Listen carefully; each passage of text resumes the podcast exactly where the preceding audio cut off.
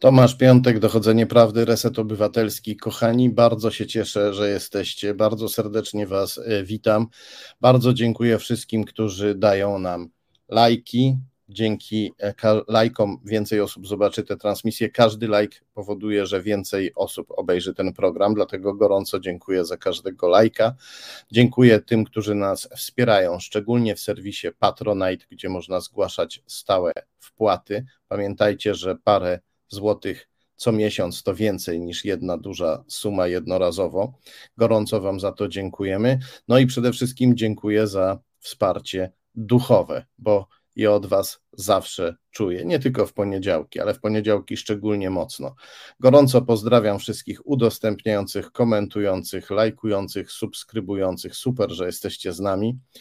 I powiem Wam, że jestem dzisiaj pod mocnym wrażeniem książki, o której za chwilę porozmawiamy. Poproszę naszego dzielnego e, realizatora Macieja o pierwszy skan przygotowany na dzisiaj. O tak, powiększmy. To jest okładka książki Efekt niszczący. Jak dezinformacja wpływa na nasze życie. Książka autorstwa Anny Mierzyńskiej, którą zapewne większość z Was zna, najwybitniejsza specjalistka od e, dezinformacji, od analizy dezinformacji w Polsce. I e, bardzo się cieszę, że mogę ją właśnie zaprosić do studia.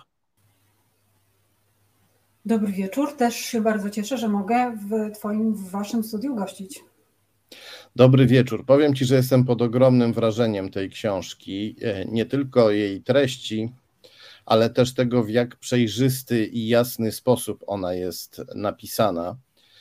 E, jest tam, no, znajduję w tej książce bohaterów moich książek i publikacji, ale dowiaduję się o nich bardzo e, nowych rzeczy.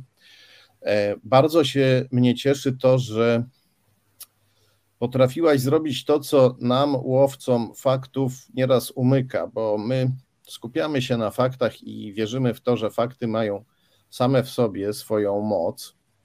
No a tę moc najlepiej jednak pokazać, kiedy pokazuje się, jak pewne fakty oddziałują na ludzkie życie.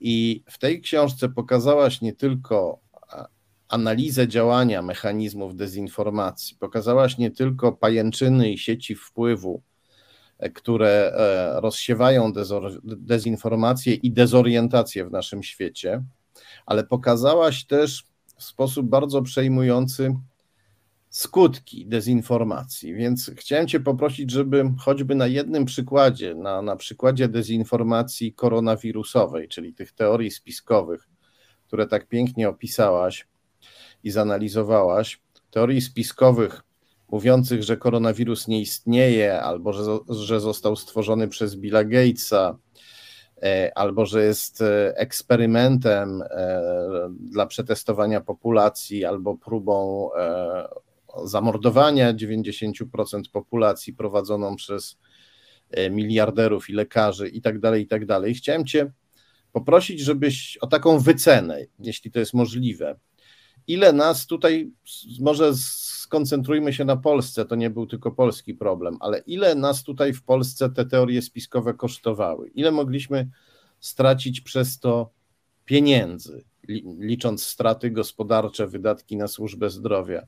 Ile straciliśmy e, też e, w, jakby to powiedzieć, w, w tym, co niepoliczalne i nieprzeliczalne, czyli jak, jakie były straty ludzkie, straty e, emocjonalne. Wiesz co, ja myślę, że to, co straciliśmy i to, co tracimy, to jest właśnie przede wszystkim niepoliczalne. Bo to dezinformacja wpływa przede wszystkim na relacje, na nasze zachowania i decyzje, na to, jak, jacy jesteśmy na co dzień. I to jest naprawdę trudne do policzenia, ile straciliśmy, jeżeli chodzi o zaufanie publiczne i społeczne, ile, może łatwiej byłoby to policzyć, choć szczerze przyznam, nie mam takich wycen, ile trzeba by było włożyć środków w to, żeby zaufanie społeczne odbudować. Oczywiście my te zaufanie społeczne traciliśmy nie tylko ze względu na dezinformację, ale ona była tym czynnikiem znaczącym w całym tym procesie, który się zadział. Mm, posłużę się takim przykładem, którego nie ma w książce, bo jest bardzo świeży. Mm, wczoraj słuchałam takiego wystąpienia w, w, kręgu tych ruchów antysystemowych, które w Polsce w dużej mierze się zaczęły właśnie w pandemii. I to była rozmowa akurat dotycząca rozpowszechniania tych tabletek z jodkiem potasu, o którym jakiś czas temu, kilka tygodni temu było bardzo głośno, że rząd kupił ten jodek potasu w razie zagrożenia promieniowaniem i y, chodziło o elektrownię atomową, oczywiście w Ukrainie, atakowaną przez Rosjan. No i rozdystrybuował to po, po Polsce do, do różnych jednostek, częściowo do straży pożarnych, częściowo one są w szkołach, żeby można było w razie zagrożenia przekazać je ludziom. No i w czasie tej rozmowy, bo to była rozmowa, rzeczywiście padały takie argumenty zasadniczo uznawane za normę, że mm, nie można wierzyć tym tabletkom, znaczy w ogóle temu, co robi rząd, ale tutaj się sprowadzało do tego, że nie wiadomo tak naprawdę, co jest w tych tabletkach i nie należy ich przyjmować, jeżeli państwo będzie je rozdawać, nawet jeśli będzie informować, że to jest po to, żeby zabezpieczyć się przed szkodliwymi skutkami promieniowania. Nie należy tego przyjmować, ponieważ nie znamy dokładnego składu tych tabletek i może być taka sama sytuacja jak ze szczepionkami przeciwko COVID-19, o których mówiono, że są bezpieczne, a ludzie od nich umierali. I to jest stwierdzenie mówione jako fakt że nie bierzcie jodku potasu, bo będzie z wami to samo, co, co po szczepieniach. A jak wiadomo, po szczepionkach masowo umieraliśmy i w ogóle był straszliwy pomór i tak dalej, bo ci, co tak, umarli... Ja nie, wiem, ja nie wiem jak ty, ale ja jestem po czterech, po czterech dawkach, więc y, ja halo, żyję. Tak, tak, ale y, najwyraźniej ci wszyscy, co umarli w Polsce na COVID, to tak naprawdę umarli na szczepionki, choć wcale nie byli w większości zaszczepieni choć wcale nie byli zaszczepieni i wielu z nich umierało, zanim szczepionki e, się pojawiły i weszły w A wielu, wielu z nich umierało, bo nie chciało przyjąć szczepionki, bo uwierzyło, tak. że szczepionka zabija. Tak. E, I e, a, czy te osoby, które na wypadek skażenia nuk nuklearnego chcą pomóc Putinowi nas pozabijać i wmuszają, znaczy wmawiają nam, że nie powinniśmy brać tych tabletek, to czy te osoby dostały jakieś dyplomy z Moskwy, czy e, ile z nich e, robi to w dobrej wierze? To znaczy, rozumiem, e, że pytasz mnie o to, mm, w jakim stopniu te, te przekazy przenika, czy na, w jakim stopniu wpływa na nie Rosja. Znaczy na pewno wiemy, mm, przynajmniej takie jest moje zdanie po zbadaniu tego, co się działo w tych ruchach antysystemowych, że Rosja wpływa na, na treści, które są, tam dystrybuowane i w które de facto ci ludzie wierzą. To nie są wszystkie treści, wiadomo, ale zaangażowanie Rosji zarówno we wspieranie przekazów antyszczepionkowych i antypandemicznych, jak i teraz w rozpowszechnianie w tych samych grupach treści antyukraińskich jest bardzo widoczna. Tak samo jak widoczna była i jest aktywność y, znanych nam z Polski działaczy prorosyjskich y, właśnie w tych samych grupach. Y, te grupy nie powstawały jako grupy rosyjskie, to trzeba od razu zaznaczyć. One powstawały jako grupy w oparciu o sprzeciw wobec tego, co się działo w Polsce. Najpierw chodziło o lockdown gospodarczy, czyli zamknięcie działalności gospodarczej. Protestowali przede wszystkim przedsiębiorcy, którzy musieli pozamykać swoje firmy. Potem e, zrodził się z tego sprzeciw wobec obostrzeń sanitarnych wszelkiego typu, które były wprowadzane w kolejnych falach pandemii. No i w końcu e, antyszczepionkowe treści się tam pojawiły i one pozostały do dziś. Czasem jestem pytana, czym, te, czym ci ludzie się dzisiaj zajmują, tak? bo z takiej percepcji z normalnego człowieka kwestia COVID-u i szczepionek to już nie jest rzecz istotna. Otóż ci ludzie cały czas zajmują się właśnie tymi, tymi tematami. E, śledzą naprawdę bardzo intensywnie to, co robi Światowa Organizacja Zdrowia, e, wyniki badań, które się pojawiają dotyczące szczepionek, e, przekazują je dalej, oczywiście bardzo często zmanipulowane, zniekształcone, dane są wyrwane z kontekstu, no ale te tematy są dla nich cały czas bardzo ważne. No i druga kwestia to jest wojna w Ukrainie i, i skutki, jakie ta wojna ma w Polsce, czyli w kryzys gospodarczy. Sporo jest tam treści takich stricte survivalowych, czyli jak przetrwać w czasie kryzysu gospodarczego. No i co zrobić, żeby przeciwstawić się władzy, która jest w Polsce, ale to jest takie przeciwstawianie się bardzo radykalne w znaczeniu Nie, że będą robić rewolucję, tylko właśnie, że oni absolutnie nie wierzą w to, y, co, co mówi władza. Mm, zupełnie, nawet na tym poziomie właśnie rozdystrybuowania jodku, potasu, czy, czy jakichś zupełnie podstawowych, elementarnych kwestii. Y, oni wiedzą swoje, oni są zamrzeni w swoim alternatywnym świecie i absolutnie nie zamierzają wchodzić czy wierzyć w to, co przekazują, przekazuje system, tak by to należało nazwać, bo tam nie chodzi tylko o PiS, ale chodzi też na przykład o główne media. Oni po prostu nie wierzą i koniec. I to mnie przeraża, bo społeczeństwo, które. Społeczeństwo, żeby istnieć, potrzebuje jakiejś władzy. Społeczeństwo, które nie akceptuje e, swojej władzy i to właściwie nie akceptuje żadnej władzy wygenerowanej przez to samo społeczeństwo. Nie akceptuje, oni nie akceptują oczywiście Platformy Obywatelskiej, prozachodniego obozu, E, prozachodniej części sceny politycznej, ale PiS też nie akceptują, bo on jest dla nich zbyt mało antysystemowy. I takie społeczeństwo, które nie, nie, nie jest w stanie zaakceptować żadnej e, władzy, nad, żadnej swojej władzy, szykuje się na przyjęcie cudzej władzy, nawet jeśli o tym, nawet jeśli o tym nie wie. W Twojej książce przewija się kilka postaci, one powracają często. E, przede wszystkim oligarcha putinowski Konstantin Małofiejew, który e, no, ma telewizję Cargrad, która jest taką wylęgarnią dezinformacji i teorii spiskowych. To jest też człowiek, który finansował pierwszą napaść Putina na Ukrainę w 2014 roku.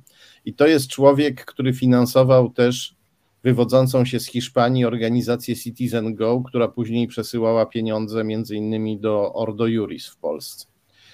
Pojawia się też e, Kirill Dmitriew, który został opisany mm, między innymi w tej książce Morawiecki i jego tajemnice, bo e, kolegował się, jeśli można tak powiedzieć, współpracował z e, e, dwoma amerykańskimi Grekami działającymi w Rosji, którzy później zostali wspólnikami polskiego miliardera Tomasza Misiaka, a to z kolei bardzo dobry przyjaciel Mateusza Morawieckiego, jak również człowiek związany z aferą taśmową z 2014 roku. I e, pojawia się, pojawia się Aleksiej Komow, szara eminencja, Citizen Go, Ordo Juris i takich różnych ruchów. E, pojawiają się, pojawiają się te postaci, pojawia się też Polak Józef Białek, który rozpoczął w Polsce putinowską nagonkę na osoby LGBT nie wiedziałem, że aż do tego stopnia e, Białek zainspirował Kaczyńskiego do jego napaści na osoby LGBT. Pięknie to opisałaś. Z kolei e, ja w książce o Morawieckim napisałem, że e, no, ujawniłem taki nieznany dotąd fakt, że Białek w 1988 roku założył spółkę Rewerentia, w której rok później rozpoczął swoją karierę Mateusz Morawiecki obecny, e, obecny premier Rzeczypospolitej Polskiej. Te nici prowadzą przeważnie do Rosji, prowadzą też do żywiołu bardzo niebezpiecznego, jak, jakim są amerykańscy e, radykałowie, którzy oscylują gdzieś pomiędzy e, fanatycznym ewangelikalizmem a kompletnie baśniową odmianą neonazizmu, jeśli można tak powiedzieć. Y, y, oni, ale oni też są z kolei wspierani przez Rosję i wspierają Rosję. To jest to, to, to, to mimo, że działają na różnych półkulach globu, to jest to w pewien sposób, można powiedzieć, że jest to jeden blok, taki ponad, ponad oceaniczny, ponadoceaniczny blok e, twórców i wyznawców teorii spiskowych. I e, zastanawiam się, co, e, jak, jak, tę wiedzę, jak tę wiedzę przekazywać, bo jesteśmy w trudnej sytuacji. Jesteśmy w trudnej sytuacji, ponieważ chcemy, żeby ludzie się bronili przed teoriami spiskowymi, a z drugiej strony musimy im opowiedzieć o spisku. Musimy im opowiedzieć o spisku twórców teorii spiskowych, o tym spisku, który niestety jest e, realny. Kiedy czytam Twoją książkę, mam wrażenie, że jakoś sobie z tym poradziłaś, bo przedstawiasz ten spisek w sposób naukowy, sposób racjonalny i bardzo, i bardzo przejrzysty. ale domyślam się, że, że ty też niekiedy się stykasz z czymś, co można nazwać taką sytuacją paradoksalną, że e, kiedy chcemy ludzi, e, chcemy ludzi bronić przed teoriami spiskowymi i mówimy im o tych, co rozsiewają te spiski, to często ta informacja jest traktowana jak kolejna teoria spiskowa. I mówią to ludzie, do których chcemy dotrzeć, ludzie racjonalni, bo oni wytworzyli w sobie jakiś taki instynktowny opór przeciwko nie tylko teoriom spiskowym, ale każdej, nawet racjonalnej informacji o spiskach. Tak wielki jest w nich lęk przed teorią spiskową. Chciałem Cię spytać, czy Ty masz, jak, jak Ty byś opisała swoje sposoby na omijanie tej, tej bariery, która jest w pewien sposób zdrowa, ale jednak w, w przypadku, kiedy się podaje ludziom prawdziwe informacje, no może być szkodliwa. Wiesz co, ja tak się w ogóle, to jest oczywiście bardzo taki temat, po pierwsze istotny, po drugi e, taki, nad którym ja się dużo zastanawiam. I myślę, że to nie tylko chodzi o lęk przed teorią spiskową, mm, ale też o taki zwyczajny, prosty mechanizm, jakim jest odrzucanie informacji, których się nie chce przyjmować. Na poziomie podświadomym nie chce się ich przyjmować, ponieważ wymuszałyby zmianę mm, poglądu na świat, znaczy wymagałyby weryfikowania poglądu na świat. Ja myślę, że Twoi widzowie i Twoi czytelnicy książek, Twoich, mm, już są za tym. Znaczy już się zdecydowali na to, żeby rzeczywiście mm, ten pogląd na świat zmienić. To znaczy zobaczyć, że oprócz tej warstwy, którą widać, jest też warstwa, której nie widać i o której my staramy się opowiadać. I też y, wszyscy Twoi odbiorcy musieli już znaleźć jakąś metodę w sobie, żeby odróżnić te racjonalnie podawane fakty od teorii spiskowej. Ale przede wszystkim pokonać taki opór wewnątrz siebie. No nie wszyscy ten opór jeszcze pokonali. To znaczy, naprawdę przy takich informacjach dość często mm, łatwiej jest uznać, że to teoria spiskowa, niż się w to zagłębić i e, zastanowić się, co z tym można dalej zrobić, tak? bo to są informacje, które zmieniają coś w środku człowieka, to znaczy no, trzeba na ten świat zacząć inaczej patrzeć. E, choć też warto nie, nie wpadać w, w taki ciąg dalszy, że wszystko jest teorią spiskową. Myślę, że to, co odróżnia to, co jest moją metodą e, w czasie analizowania sieci i tego, co tam widzę, i tych wszystkich spisków i powiązań. Ja w ogóle nie myślę o tym jako o spiskach, tak bym powiedziała, ale tych powiązań, które widać, mm, to jest to, żeby nie przekładać tego na cały świat. To znaczy, jeżeli ja w jakimś miejscu widzę te powiązania i widzę tę siatkę kontaktów na przykład, i to, to nie oznacza, że tak wygląda cały świat że wszędzie są spiski i że, to, i, i że spiski są jedynym mm, motorem napędzającym to, co się dzieje wokół mnie, w przestrzeni publicznej na przykład. Bo często nie jest tak, że chodzi o spiski. Motywacji stojących za różnymi zdarzeniami może być naprawdę bardzo dużo. W większości nie mam pojęcia, co tam się zadziało i dlaczego jest tak, a nie inaczej.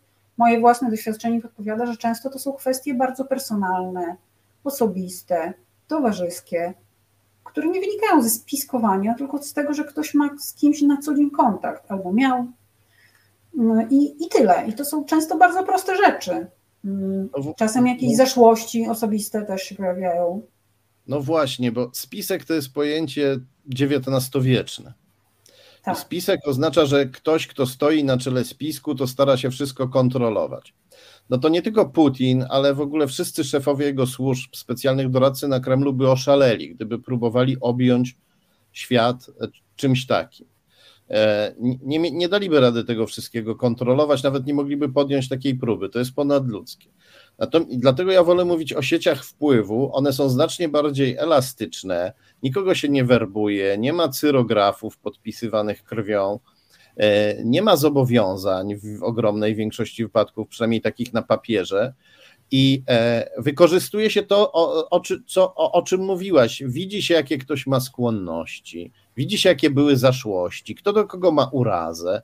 Próbuje się różne osoby w różne strony popchnąć, nie instruując ich, tylko raczej przewidując, jak mogą się zachować W wielu wypadkach się nie uda, w innych wypadkach się uda. Przepraszam. Inspirowanie. Bo... Inspirowanie to jest takie ładne hasło tutaj opisujące dokładnie to, co mówisz. Tak, i e, generał Pytel mówi, że niepotrzebnie się używa określenia agent wpływu, bo w języku służb agent to jest ktoś bardzo dobrze poinstruowany, co ma robić. Ci, których my nazywamy potocznie agentami wpływu, działającymi na przykład na rzecz Rosji, nie do końca świadomie, nie zawsze świadomie, półświadomie, wielu z nich to wypiera, choć się domyśla, dla kogo pracuje, on ich nazywa ODIP-ami. E, to jest skrót obiekt działań e, informacyjno-psychologicznych. Rozumiem, że istota jest taka, że to nie musi być ktoś, kto jest świadomy tego, jakiego, jakie działania są wo wobec niego wykonywane. Tak, to może być, ale to może być ktoś, kto został za pomocą e, różnych przemyślnych działań wciągnięty razem z innymi osobami w jakąś sieć wpływu i on może po pewnym czasie on sobie zaczyna zdawać sprawę, e, dla kogo pracuje, ale z drugiej strony to, co robi, daje mu e, taką satysfakcję albo takie korzyści, że on wypiera tę świadomość. Ja to widziałem na sali sądowej e, wielokrotnie, gdzie byłem pozywany przez osoby, które opisałem one występowały jako świadkowie, jako strony w tych procesach, czasem jako świadkowie zeznawały, przyprowadzały swoich przyjaznych świadków, to, którzy też zeznawali. Ja mogłem przesłuchiwać te osoby jako strona procesu cywilnego.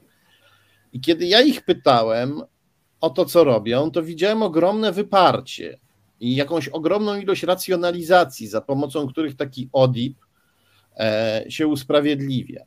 E, mówię, e, kiedy pytam, no ale jednak dostawał pan miliony od rosyjskiego oligarchy, to odpowiedź jest, no ale wie pan, no, no miliony, no, no, no, no kto nie dostaje milionów od rosyjskiego oligarchy? No proszę pana, na tym polega biznes, zawsze się, duży biznes, zawsze się od kogoś dostaje jakieś miliony. No a to był akurat no to był akurat rosyjski oligarcha, ale to mógł być ktoś zupełnie inny. Ja mówię, no ale dobrze, ale pan przez lata dostawał te miliony od rosyjskiego oligarchy. No, ale proszę pana, to jest, to jest normalne. To jest normalne, to się zdarza. Jak, jak panu się nie podoba, że ktoś bierze miliony przez lata od rosyjskiego oligarchy, to pan jest paranoikiem. A ja tak poza tym jestem patriotą, popieram Ukraińców. No tak, tylko rozumiem, że nasza rola nie polega na tym, żeby ocenić, czy to jest normalne, czy nienormalne, tylko żeby to opisać i żeby odbiorcy Dokładnie. mogli ocenić, czy to, co, co, co się działo, to jest normalne, czy nienormalne i o czym świadczy, tak? Y, I w ogóle myślę, że się przyznam Ci, że ta książka, jak od początku o niej myślałam, to myślałam przede wszystkim właśnie o tym, żeby napisać książkę o wpływie dezinformacji na ludzkie życie, a nie o Rosji, która dezinformuje. No i napisałam dwa pierwsze rozdziały i się okazało, że ta Rosja się cały czas gdzieś przewija, nie wiadomo czemu. Po prostu nie można od niej odejść, pisząc o dezinformacji. No a potem wybuchła wojna w Ukrainie, no i w ogóle już się okazało, że, że o tej Rosji, że o, od niej nie można się oderwać. Znaczy, że pisząc o dezinformacji dzisiaj w Polsce, e, naprawdę w tle ma się Rosję co chwilę. I to jest, tak wygląda rzeczywistość. I te fakty wciąż w, w kierunku Rosji idą, nawet w momentach, kiedy w ogóle nie oczekujemy, że, że w tamtym kierunku pójdzie e, nasze śledztwo, to i tak się okazuje, że gdzieś tam na końcu jest Rosja. I, no, i, no i też trudno to pomijać, e, trudno tego nie zauważać, chyba że będziemy to racjonalizować i wypierać. To jest rzeczywisty problem, który wciąż w Polsce e, funkcjonuje, choć mam wrażenie, że jednak mówienie o tym, powtarzanie tego, pokazywanie tego po kolei y, systematycznie sprawia, że ten opór powoli jest przełamywany. Dla mnie to jest zaskakujące, że przyjmujemy do wiadomości, my jako społeczeństwo, że rosyjskie służby działają w różnych krajach europejskich i nie tylko europejskich, w Stanach Zjednoczonych, że um, przyznaje się, dzisiaj się przyznał Prigorzin, który też jest jednym z bohaterów mojej książki, E, Jewgenij Prigorzin przyznał się trochę tak sarkastycznie, więc nie bardzo wiadomo, czy traktować to poważnie, czy nie, ale potwierdził, że mm, ingerują w wybory Rosja ingeruje w wybory w Stanach Zjednoczonych, o czym kilka dni temu napisały amerykańskie media, że w sieci znowu widać e, aktywność Rosji przed wyborami w Stanach Zjednoczonych. E, I, no i, i przyznajemy to, czytamy o tym, media informują o tym, że, że rosyjskie służby działają w innych krajach, we Francji, w Czechach słynne akcje, w Wielkiej Brytanii, że tutaj mamy zamach na mm, opozycjonistę rosyjskiego, że tutaj mamy jakieś tu trucizny, no coś się dzieje. Ale w Polsce? W Polsce jacyś naprawdę szpiedzy rosyjscy, agenci? Nie, w Polsce nie. No, no Polska to jest dla mnie. Tak, tak, to jest dla mnie nieracjonalne podejście. Słyszę, tak? słyszę to od lat, od różnych ludzi, że Polska Rosji w ogóle nie interesuje, co jest absurdalne. E, ale myślę, że tutaj e, problemem jest to, że, że bardzo wiele łączy rządzącą partię PiS z Rosją, oprócz stosowanej czasem antyrosyjskiej retoryki. I e, naszym komentatorom to jest bardzo trudno, bardzo trudno przyznać, bo to by oznaczało, że musimy, bo to by przyznanie tego oznaczałoby, że trzeba wezwać ludzi na Majdan. Taki mieliby obowiązek. A nasi Wiesz co, ja to mam taki, ja mam dystans do takich stwierdzeń. Hmm? Ja mam dystans do takich stwierdzeń. To znaczy, ja osobiście nie wiem, ile łączy PiS z Rosją. Yy, oczywiście czytałam wywiad y, generała Pytla, czytałam Twoje książki, Twoje artykuły i nie podważam tez tych w żadnym razie. Twierdzę, że wiecie więcej ode mnie na ten temat, natomiast ja nie wiem. To jest taka przestrzeń trudna do, y, sam to przyznasz na pewno, trudna do, mm, do po pierwsze do udowodnienia na tym etapie, żeby mieć mocne dowody, no to to jest coś nie do przeskoczenia dzisiaj. I ponieważ nie mamy tych mocnych dowodów, jest to trudne do uwierzenia. W jak, znaczy też nie wiemy, w jakim stopniu Rosja ma wpływ na PiS, na kogo, w jakim, czy to jest konspirowanie, czy to jest y, rzeczywiście jakiś agent tam funkcjonujący. Mm, no, też y, to, o czym wspomniałeś, mm, to przenikanie się wpływów, czyli z jednej strony mamy Rosję, ale też widzimy bardzo podobny sposób y, oddziaływania ze strony tych konserwatywnych miliarderów ze Stanów Zjednoczonych, o czym mówiłeś już dzisiaj i też trudno czasem wytyczyć kierunek, skąd te inspiracje przychodzą. Trudno ja, oddzielić też jednych od drugich. To. Tak. I to może być też tak, że jakieś te inspiracje są po prostu ze Stanów Zjednoczonych, ale z tych Stanów Zjednoczonych, z tych środowisk ultra, ultra prawicy, czy alt prawicy, jak tam jest nazywana, e, które w tle mają gdzieś powiązania rosyjskie, ale na tym poziomie najbardziej widocznym są to jednak y, inspiracje ze Stanów Zjednoczonych. Chociażby to, co się dzieje teraz w Stanach wokół Trumpa, prawda? To... No. Generał Pytel powiedział kiedyś, że to jest taka klasyczna droga rosyjskiego szpiega w Polsce, że się wysyła e, e, kogoś do Stanów Zjednoczonych, żeby tam popracował w jakimś amerykańskim think tanku i on wraca do Polski jako pan z Ameryki. No ale popatrzmy na Kiriła Dmitriewa, którego też przywoływałeś czyli szefa, e, obecnie szefa RDIF-u, czyli tego Instytutu Funduszu mm, Inwestycyjnego. Inwestycji który, bezpośrednich w Rosji. Inwestycji to bezpośrednich. Człowieka, tak, który ściąga gotówkę z całego świata do Rosji, żeby e, finansować chorą rosyjską gospodarkę. No i oni finansowali e, badania nad Sputnikiem, nad szczepionką rosyjską. Tak, I... opisałaś to pięknie w książce. Tak, tak, opisałam to w książce. No ale na co można zwrócić uwagę? Na to, że Dmitriew e, też siedział wcześniej w Stanach Zjednoczonych. Bardzo długo. I, I on, się kształcił. I on e, przyjechał do Rosji e, w takiej glorii człowieka, człowieka zachodu już, takiego Rosjanina, który jest tak. człowiekiem zachodu. On pracował najpierw w amerykańsko-rosyjskim funduszu inwestycyjnym który teoretycznie miał wspierać w latach 90. chorą gospodarkę Rosji, a tak naprawdę stał się sposobem na to, żeby pompować amerykańskie pieniądze w oligarchów. On tam właśnie pracował z tymi dwoma amerykańskimi Grekami, panem Sofianosem i panem Christodulu, którzy później stali się wspólnikami naszego miliardera polskiego Tomasza Misiaka, przyjaciela Morawieckiego, przyjaciela i partnera, i partnera biznesowego.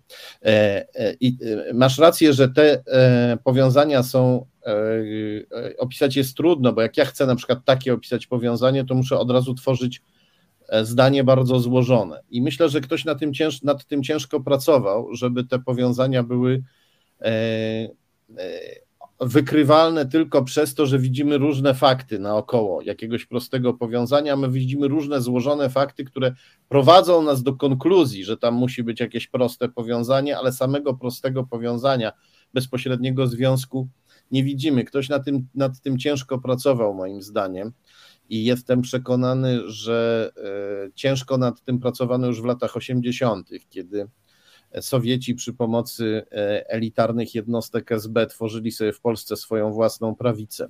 Ale wróćmy do, do Twojej książki, bo e, bardzo mnie ciekawi, coś, skąd się bierze to, że ktoś nagle pewnego dnia zaczyna wierzyć, że światem rządzą nazistowsko-gejowscy islamistyczni miliarderzy, którzy tak naprawdę są e, gadami z obcej planety i e, ustami Hillary Clinton pożerają małe dzieci w podziemiach pizzerii, bo ludzie w takie rzeczy wierzą. Akurat wiara w to, że Hillary Clinton gwałci i pożera małe dzieci się w Polsce nie przyjęła, ale w Stanach bardzo się przyjęła, co trzeci Amerykanin wierzy w coś takiego. E, I kiedy czytam Twoją książkę, to Ty wskazujesz na, na lęk i na strach przede wszystkim, jako na motywację, że ludzie, ludziom się świat zawalił, świat zmienia się bardzo szybko, ludzie się nie odnajdują w tym nieustannie zmieniającym się świecie i tworzą sobie jakąś bardzo uproszczoną wizję świata i w niej czują się bezpie- o tyle bezpieczni, że mają jakąś poczucie kontroli, że przynajmniej coś wiedzą, znają jakieś tajemnice. Na przykład takie, że Hillary Clinton jest człowiekiem gadem. Czy ja cię chciałem spytać, czy, czy twoim ile tutaj procent, jakby to powiedzieć znowu, jak wielka jest moc sprawcza lęku tutaj, a do jakiego stopnia motywacją jest przyjemność wynikająca z nienawiści, z pragnienia agresji i nienawidzenia innych ludzi, bo nienawiść dla wielu ludzi jest przyjemna i wielu ludzi szuka sobie byle jakiego powodu, nawet może być zupełnie baśniowy, żeby kogoś nienawidzieć. Wiesz, no jak e, czytałam badania, które przytaczałam w książce dotyczące e, teorii spiskowych i takich cech, które e, wskazują na to, że można być mało odpornym na teorie spiskowe, no to tam nie ma takiej cechy, o której mówisz. Być może mhm. jej nie zbadano po prostu. Mm, Natomiast y, myśmy mogli w pandemii właśnie mm, obserwować bardzo wyraźnie, bo to był moment, w którym przynajmniej w Europie ta liczba osób wierzących w teorie spiskowe gwałtownie przyrosła. Nadal nie wiemy, tak szczerze mówiąc, w Europie, ile to jest osób. Y, mówi się o tym, że to może być nawet jedna czwarta społeczeństwa. Więc moim zdaniem naprawdę bardzo dużo. Oczywiście ta jedna czwarta na różnym poziomie mm, wierzy w te teorie spiskowe, największe mm, zagrożenie takie związane z oderwaniem od rzeczywistości i skutkami społecznymi dotyczy osób, które bardzo radykalnie wpadły w taką wiarę w teorie spiskowe. To jest, y, nie wiemy jaki odsetek. Natomiast y, w czasie pandemii było bardzo wyraźnie widać, że ten odsetek nagle wzrósł. No i w tym kontekście mówiłam o lęku, tak? bo to był moment, w którym y, świat się zawalał w taki sposób, że zagrożenie czyhało na nas z różnych stron, ale bardzo niewiele o nim wiedzieliśmy, zwłaszcza na początku. I trzeba było mieć w sobie dużą przestrzeń na zaakceptowanie tej niepewności, żeby mm, dać sobie czas na to, żeby, żeby nie szukać odpowiedzi natychmiast. Czyli trzeba było mieć sobie powiedzieć: Nie wiem, skąd przyjdzie to zagrożenie, nie wiem, co będzie dalej, i nie wiem, czy wszyscy przeżyjemy, czy nie, czy ja przeżyję, czy moi bliscy przeżyją. Muszę to przeczekać jakoś i przetrwać. E, wiele ludzi, dla, dla wielu ludzi to było ponad siły, naprawdę. I szukali odpowiedzi natychmiast. No i różnie szukali tych odpowiedzi. Jedni szukali w nauce, inni szukali w religii, a jeszcze inni szukali y, prostych odpowiedzi w internecie. Wszyscy siedzieliśmy wtedy w internecie, no bo nie można było wychodzić. E, I w internecie te proste odpowiedzi były. To, było, to jest istotne w tym, tak? bo ta fala e, pandemicznej dezinformacji rozchodziła się już od początku lockdownu w Polsce, zwłaszcza w Europie, bo wcześniej to się pojawiało a propos Chin. I kiedy zaczęli szukać odpowiedzi na to, skąd się wziął wirus i dlaczego, no to mogli się dowiedzieć skąd, że to Bill Gates go wymyślił, albo że mm, Stany Zjednoczone mm, szykowały się do wojny, laboratoria tajne były w Chinach, potem te laboratoria przecież okazało się, że te tajne laboratoria to były w ogóle w Ukrainie, kiedy już wojna wybuchła, bo teorie spiskowe mają taką cechę, że są bardzo elastyczne, bardzo ze sobą spójne, wszystko do siebie tam pasuje, a jeżeli nie pasuje, to jest dopasowywane.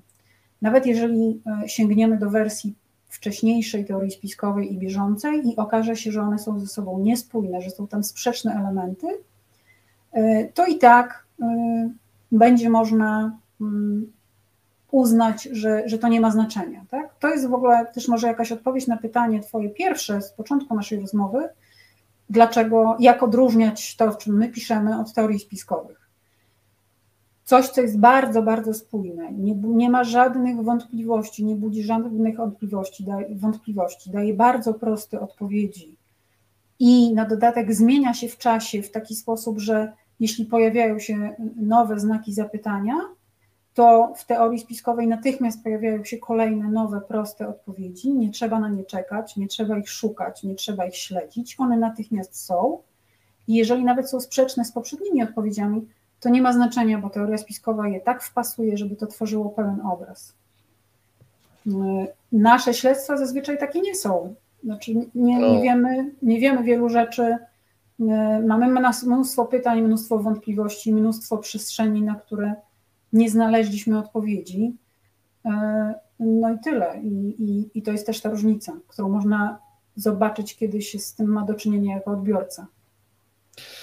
Piękna puenta, ale ponieważ mamy jeszcze dwie minuty, to pomyślałem, że może jeszcze chcesz, jeśli masz coś, co uważasz, że jest bardzo ważne i że trzeba powiedzieć naszym widzom, to to jest czas dla ciebie. To, co chcę Państwu powiedzieć, to to, że jest nadzieja. To znaczy, um, okazuje się także w badaniach naukowych się to okazuje, że wiedza o mechanizmach, o których rozmawiamy, o mechanizmach dezinformacyjnych, tworzenia teorii spiskowych, tworzenia fałszywych informacji, sama wiedza o, na ten temat uodparnia. Czyli można, y, czytanie takich książek jak nasze, Y, czytanie o tym artykułów, y, przechodzenie szkoleń z tego zakresu, nawet granie w gry, które pokazują, jakie są mechanizmy dezinformacji, bo takie gry też już są, istnieją i można je znaleźć w internecie. Wszystko to uodpornia. Potem jesteśmy dużo bardziej odporniejsi, kiedy natykamy się na to w, w sieci, więc y, warto iść w tym kierunku, warto to robić, to ma sens. Bardzo, bardzo Ci dziękuję za tę rozmowę i za tę książkę i e, będę e, zapraszał w przyszłości, jeśli pozwolisz. Dziękuję również, pewnie bardzo chętnie będę gościć. Do zobaczenia. Do widzenia. Bardzo serdecznie polecam książkę Efekt Niszczący, książkę Anny Mierzyńskiej, z którą właśnie rozmawialiśmy. A teraz proszę naszego dzielnego realizatora Macieja, żeby pokazał nam skany numer 2 i numer 3, które przygotowałem na dzisiaj. To właściwie nie są skany, tylko to są zdjęcia. O tak, powiększmy może, jeśli możemy, tak.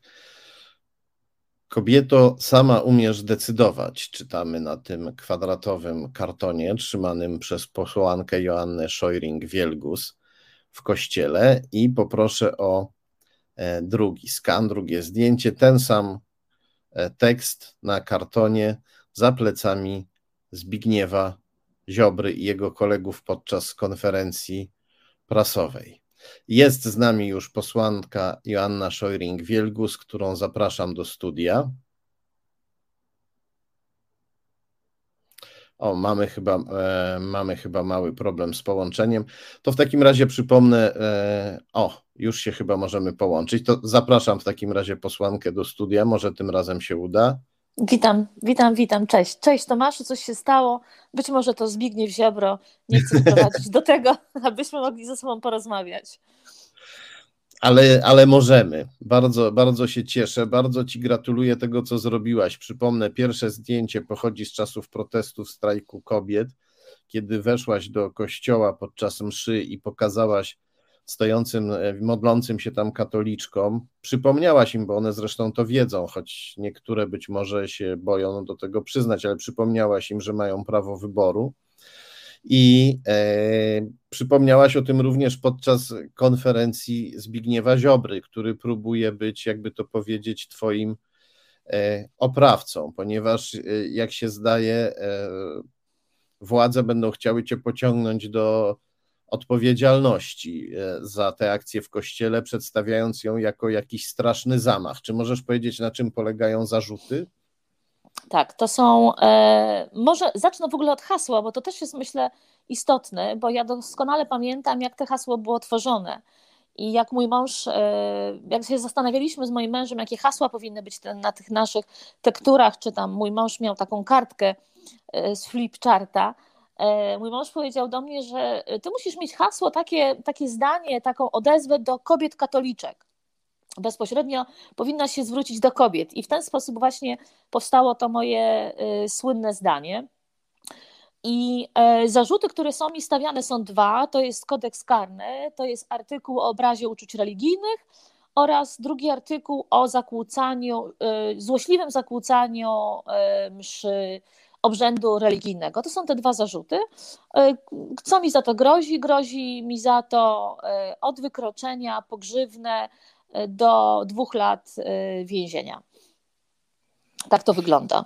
Dwa lata więzienia za to, że e, powiedziałaś, napisałaś, że kobieta umie sama o sobie decydować. Mhm. Tak, to jest w ogóle, myślę, że ważne, dlatego że kobiety wychowywane w świecie takim katolickim, patriarchalnym, bardzo często e, nie mają takiej, wiesz, wiary w siebie, e, boją się same zadecydować, bo zawsze, wiesz, ktoś tak jak Pamiętasz taką bajkę Pomysłowy Dobromir, tak? Była taka kuleczka, która pukała w głowę. I zawsze jest ktoś taki, który puka e, w, w tą przysłowiową głowę kobiety i mówi, ale co powiedzą ludzie?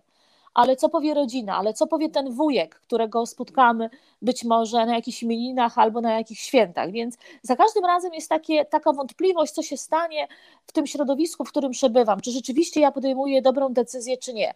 Więc jakby stąd te hasło. Mój mąż stojący obok mnie i wykonujący dokładnie tę samą czynność, którą ja wykonałam, czyli weszliśmy razem do kościoła, razem żeśmy ustanęli, razem staliśmy później te niecałe 60 sekund i razem wyszliśmy. E, miał już proces e, w tej sprawie, został przesłuchany przez prokuraturę. E, sprawa w sądzie nie doszła do skutku, ponieważ sąd przed odbyciem sprawy, sąd rejonowy wydał wyrok unieważniający w ogóle całą tę sprawę. Zresztą uzasadnienie wyroku jest bardzo dobre, mówiące o tym, że ani nie było złośliwego przeszkadzania, ani to jest żadne wykroczenie, ani przestępstwo i tak dalej. Później zostało to zakwalifikowane przez e, sąd e, okręgowy potwierdzone, e, zapadł wyrok prawomocny, więc myśleliśmy, że sprawa mojego męża i moja jest już załatwiona. Natomiast jak ty wiesz na pewno i państwo też wiecie, Zbigniew Ziobro jest osobą mściwą i bardzo nie lubi przegrywać, ale też nie lubi sytuacji, kiedy coś nie idzie po jego myśli, więc 30 września złożył kasację do wyroku mojego męża i w sumie wszystko zacznie się od nowa, ale w przypadku akurat mojego męża będzie to już w Warszawie, w Sądzie Najwyższym, a ja czekam na przesłuchanie na prokuraturze. E, no, zobaczymy, ile poczekasz, bo Ziobro nie lubi, żeby takie sprawy się toczyły zbyt szybko. Jeśli nie ma pewności wygrania, pewnie będzie wolał cię męczyć, przeciągając tę sprawę. Jeśli nie jest pewien wyroków e, w Sądzie Najwyższym i w ogóle e, nie jest pewny tego, jak to całe postępowanie się zakończy. Ja jeszcze wiesz co, dodam jedną rzecz, bo to oczywiście ja tutaj z panem Ziobro mam kilka różnych takich sytuacji, jednak jestem w tej polityce od 7 lat, ale akurat w tej konkretnej też kwestii e, Ziobro zastosował jeden manewr, który miał też nas e, przestraszyć i też miał pokazać innym, że jesteśmy takimi przestępcami bardzo dużego kalibru. W momencie, kiedy ta sprawa się zaczęła, to został zajęty nasz majątek, czyli nasz dom tak? na poczet ewentualnej przegranej, e, przegranej mojego męża. O tyle było Ale to... to jest, przepraszam, nie wiedziałem o tym, to jest niesamowite. Przecież mówimy, tak, tak. to nie jest sprawa, tak. która mogłaby cię kosztować dom. Dokładnie, więc zo, został zajęty... Nie wiedziałeś o tym. Zostało to, zro... tak, zostało to zrobione, ale mało tego, w momencie, kiedy my dostaliśmy w ogóle to pismo, które bardzo nas zaskoczyło, no nie powiem, bo to jednak wiesz, jest położenie łapy na twój dom, który budujesz, jest twoją własnością. I oczywiście się odwołaliśmy od tego, bo mieliśmy 7 dni na odwołanie, ale w momencie, kiedy e, mieliśmy jeszcze ten czas, kiedy się odwołaliśmy, to po trzech dniach dostaliśmy już decyzję, e, która w ogóle nie brała pod uwagę naszego odwołania, że to już się stało. Jakby, bez, jakby nie, nie zostało nawet wzięte pod uwagę nasze odwołanie, więc tak to wygląda. Mówię o tym A dlatego... co na to sąd? Sąd teraz po wygranej mojego męża y, przywrócił nam naszą posiadłość, tak, jakby na nowo. Natomiast przez ten cały okres do prawomocnego wyroku mojego męża, jakby była łapa położona przysłowiowa łapa ziobry na naszym domu, na naszym majątku. Ale mogliście tam mieszkać, tylko mieliście tak, nadzór tak. komorniczy? Tak, to był nadzór. Ja już teraz nie pamiętam kwota, jaka to była zajęta, bo to jest tak finansowo wzięte, tak? Są oczywiście papiery, jest to napisane w hipotece, że coś takiego się dzieje i masz napisane w hipotece, że twój majątek jest zajęty przez e, sąd. Więc jakby tak, tak to wygląda. To jest, to jest coś, coś zupełnie niesamowitego, o tym nie wiedziałem, mhm. ale niesamowity jest również pomysł, że stwierdzenie, e, e, że kobieta może sama o sobie decydować, obraża uczucia religijne. Jakie? Bo jakby to jest niezwykłe, bo oni tutaj, ci twoi prześladowcy, przyznają, że katolicyzm jest antykobiecy, przynajmniej mhm, ten mhm. polski. Polski pisowski katolicyzm jest antykobiecy i, e, i obraża tę religię myśl, że kobieta mogłaby sama o sobie decydować. Czy oni tego nie widzą, czy raczej świadomie i bezczelnie właśnie taką wizję religii nam e, forsują? Wiesz, to jest w ogóle, myślę, y, temat na osobną dyskusję na temat religii katolickiej, tak, i tego, jak kobiety są traktowane w tej religii. Też mi się wydaje, że szczególnie to młode pokolenie ludzi, młode Polki, młodzi Polacy, y, nie podchodzą do religii katolickiej tak jak y, my byliśmy wychowywani w niej, tak, bo ja pochodzę z rodziny katolickiej, mój mąż tak samo. Ja w ogóle jestem też, ja szczególnie, jestem takim przykładem osoby, która była z bardzo wierzącej, jestem z bardzo wierzącej rodziny, w, byłam i ochrzczona, byłam i miałam komunię, miałam bierzmowanie, należałam do jakiegoś kółka różańcowego i tak dalej. E, I jakby to moje dochodzenie do prawdy i do wiedzy na temat Kościoła, to jest pewien proces, tak? Jestem jakby takim przykładem i uważam, że takich przykładów jak ja jest coraz więcej. Czyli jakby otwarcia y, oczu na pewne kłamstwa, na manipulacje, na propagandę, która sączy się z Kościoła katolickiego. My nawet żeśmy ostatnio z moim mężem rozmawiali w samochodzie i ja mu mówię, że jak ja byłam małą dziewczynką i chodziłam na te wszystkie obrzędy, czy brałam udział w tych mszach, to w ogóle nie zastanawiałam się nad tymi wszystkimi regułkami, które podczas, podczas mszy wypowiadamy, tak? Bo mówimy wszyscy to rytmicznie. Nie zastanawiałam się w ogóle nad tym, co my mówimy, w jaki sposób, nie zastanawiałam się nad sensem.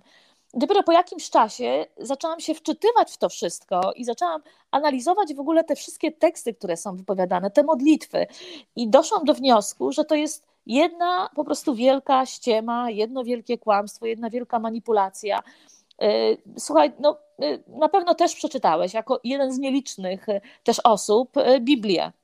To jest księga, dokładnie, to jest księga, którą E, większość tych bogobojnych katolików klęczących w kościele nigdy nie miała w ręku. Nie potrafi jej przeanalizować. Biblia jest pełna strasznych rzeczy, morderstw, okropności. E, I, e, I jak wiesz, tak na serio sobie o tym pomyślisz, na przykład pomyślisz sobie o tym, że wysyłasz dziewięcioletnie dziecko e, do, e, na, do spowiedzi, czyli na spotkanie w ogóle z jakimś starszym facetem w sukience, gdzie twoje dziecko musi e, opowiadać o swoich intymnych rzeczach, bo rzeczywiście... Tak, on, on dyszy przez kratkę. Tak, tak. Dokładnie. Tak. I to wiesz, jak zaczynasz sobie uświadamiać takie rzeczy, to myślisz sobie, ale coś tu jest nie tak. Nie? I wydaje mi się, że ten proces takiego e, zrozumienia tej, tej całej propagandy, którą nam się e, wtłaczało i wtłacza do głów przez jakby całe nasze wychowanie, całe nasze dzieciństwo e, i tak dalej, no to ci młodzi ludzie już teraz nie podchodzą do tego, tak jak my kiedyś podchodziliśmy, bezrozumnie.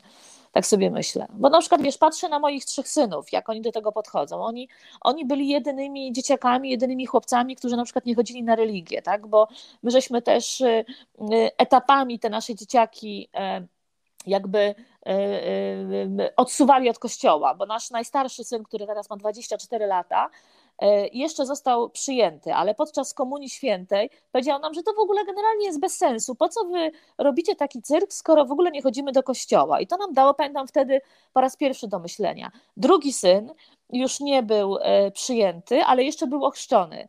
Y, a nasz ostatni syn, najmłodszy, który ma teraz 14 lat, w ogóle już nawet nie był ochrzczony, ale cała trójka nie chodzi na religię, więc no, mówię, tak jak u mnie to był taki pewien proces, tak? Odchodzenia od tego, dowiadywania się. Już nie wspomnę o wszystkich przestępstwach, nad którymi się, którymi się zaczęłam interesować w kościele razem z Agatą Diduszko-Zyglewską, ale to też jakby jest, wiesz, inny temat.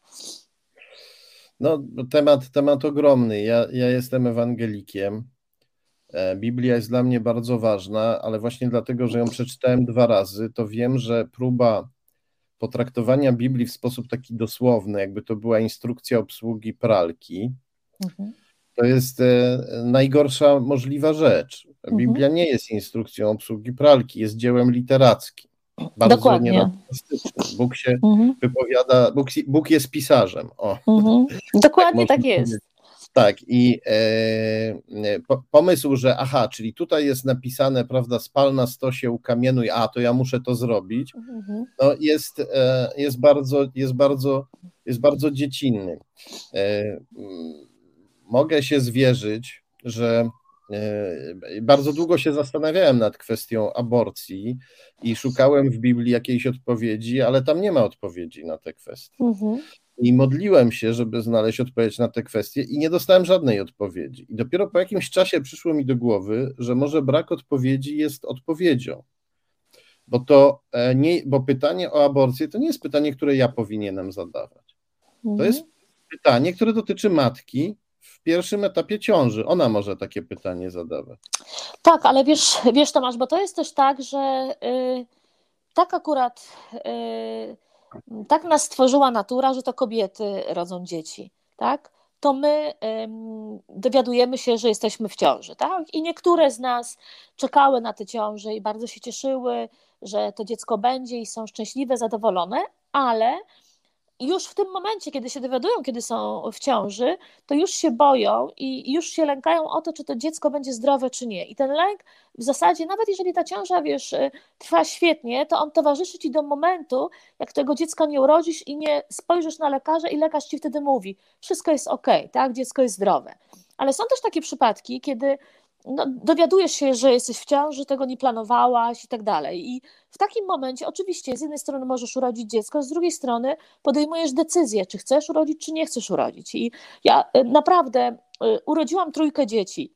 W zasadzie często też o tym mówię, że nigdy nie planowałam być matką, tak? Zawsze mi się wydawało, że matką nie będę, że będę, wiesz, niezależną kobietą, pracującą zawodowo, miałam różne niesamowite plany i tak dalej. Przydarzyło się, jak się przydarzyło, oczywiście tego nie, nie żałuję, ale pamiętam doskonale, bardzo dobrze, bo moich synów rodziłam w, w, w zasadzie w różnych Y, y, okresach politycznych, w różnych y, systemach zdrowotnych, więc mam porównanie, wiem co kobieta czuje od momentu, kiedy dowiaduje się, jak zaszła w ciążę, do momentu, kiedy to dziecko urodzi, ale też doskonale mam to doświadczenie wychowywania dziecka, więc jeżeli ktokolwiek się wtrąca w to i mówi mi, co mam robić, jak mam robić, jakie decyzje podjąć, no to najzwyczajniej świeże po prostu mnie to wkurza, tak? Bo skąd ta osoba ma wiedzieć, jaką decyzję ja mam podjąć, tak? Oczywiście są kobiety, które potrzebują takiego wsparcia, rozumiesz, pomocy i pytają się, co zrobić, co ja teraz zrobię, nie mam tego, tego, nie poradzę sobie, jestem sama. No, różne są sytuacje i być może potrzebują takiego wsparcia. Ja pamiętam, że jak zaszłam po raz pierwszy w ciąży, którą no, to, to nie była ciąża, którą planowałam, tak? ponieważ y, y, ona mi się, nam się po prostu y, mojemu chłopakowi wtedy ona przydarzyła. I ja od razu, jak się dowiedziałam, że jestem w ciąży, chociaż nie planowałam, że będę matką, pomyślałam sobie, okej, okay, no to teraz mam wyzwanie, tak? Urodzę dziecko za 9 miesięcy I, e, I będę musiała sobie jakoś ten świat poukładać. Nie miałam ani pracy, ani domu. E, skończyłam studia, musiałam podjąć decyzję. I wiesz, jak patrzę z perspektywy czasu na decyzje, które podejmowałam, to były moje indywidualne decyzje. Nikt nie miał wpływu na te decyzje. Ja zresztą z natury jestem taką osobą. Ja bardzo ufam swojej intuicji. Zawsze e, e, generalnie e, nie biorę pod uwagę tego, co się dzieje wokół, tak? To zawsze wszystkie rzeczy, które robię, to jest moja indywidualna, przepraszam, bo jestem trochę przeziębiona, moja indywidualna decyzja. I wiem, że niektóre kobiety potrafią taką decyzję podjąć, a niektóre potrzebują tej pomocy, tego wsparcia. I to jest okej, okay. ale to zawsze y, y, ta kropka nad i, to, to, y, to myślenie o posiadaniu dziecka,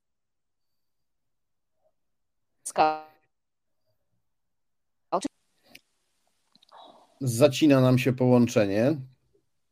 A teraz? O, teraz dobrze.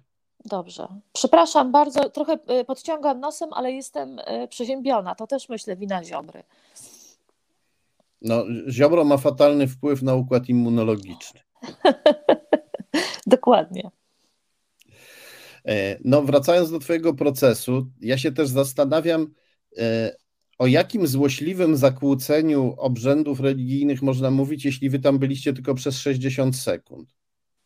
No właśnie, e, nie, nie wiem, czy słyszałeś jeszcze tę historię, bo to też jest w ogóle naprawdę bardzo śmieszne i trochę, wiesz, nobilitujące dla mnie, ponieważ w Czarno na Białym zrobiło taki dosyć duży, ale doskonały program na temat tego obywatelskiego projektu e, Ziobry i Warchoła w, obronie chrześcijan. Tak? Oczywiście oni to tak nazywają, żeby to ładnie brzmiało, ale to są zmiany w kodeksie karnym, czyli zaostrzenie tych artykułów, z których ja teraz będę e, też sądzona i mój mąż e, powtórnie. I podczas wywiadu, kiedy dziennikarz rozmawia z Warchołem, minister Warchoł mówi, że, że oni jakby składają ten projekt dlatego, że Wielgus nie został skazany. I nie może być tak, że taki Piotr Wielgus, mówię o moim mężu, nie został skazany, więc trzeba po prostu takie prawo stworzyć. I y, w tym y, jakby wyroku prawomocnym, który zapadł w stosunku do mojego męża, y, sędzia bardzo ładnie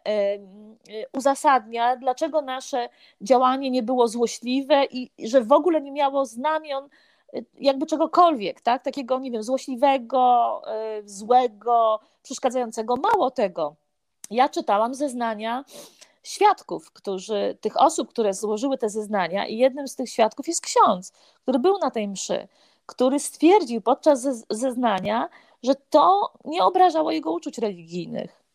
To był, to był, przypuszczam, ten ksiądz, który w momencie, kiedy się do niego odwróciliśmy razem z moim mężem, żeby pokazać też księdzu, księżom nasze plakaty, uśmiechnął się do nas.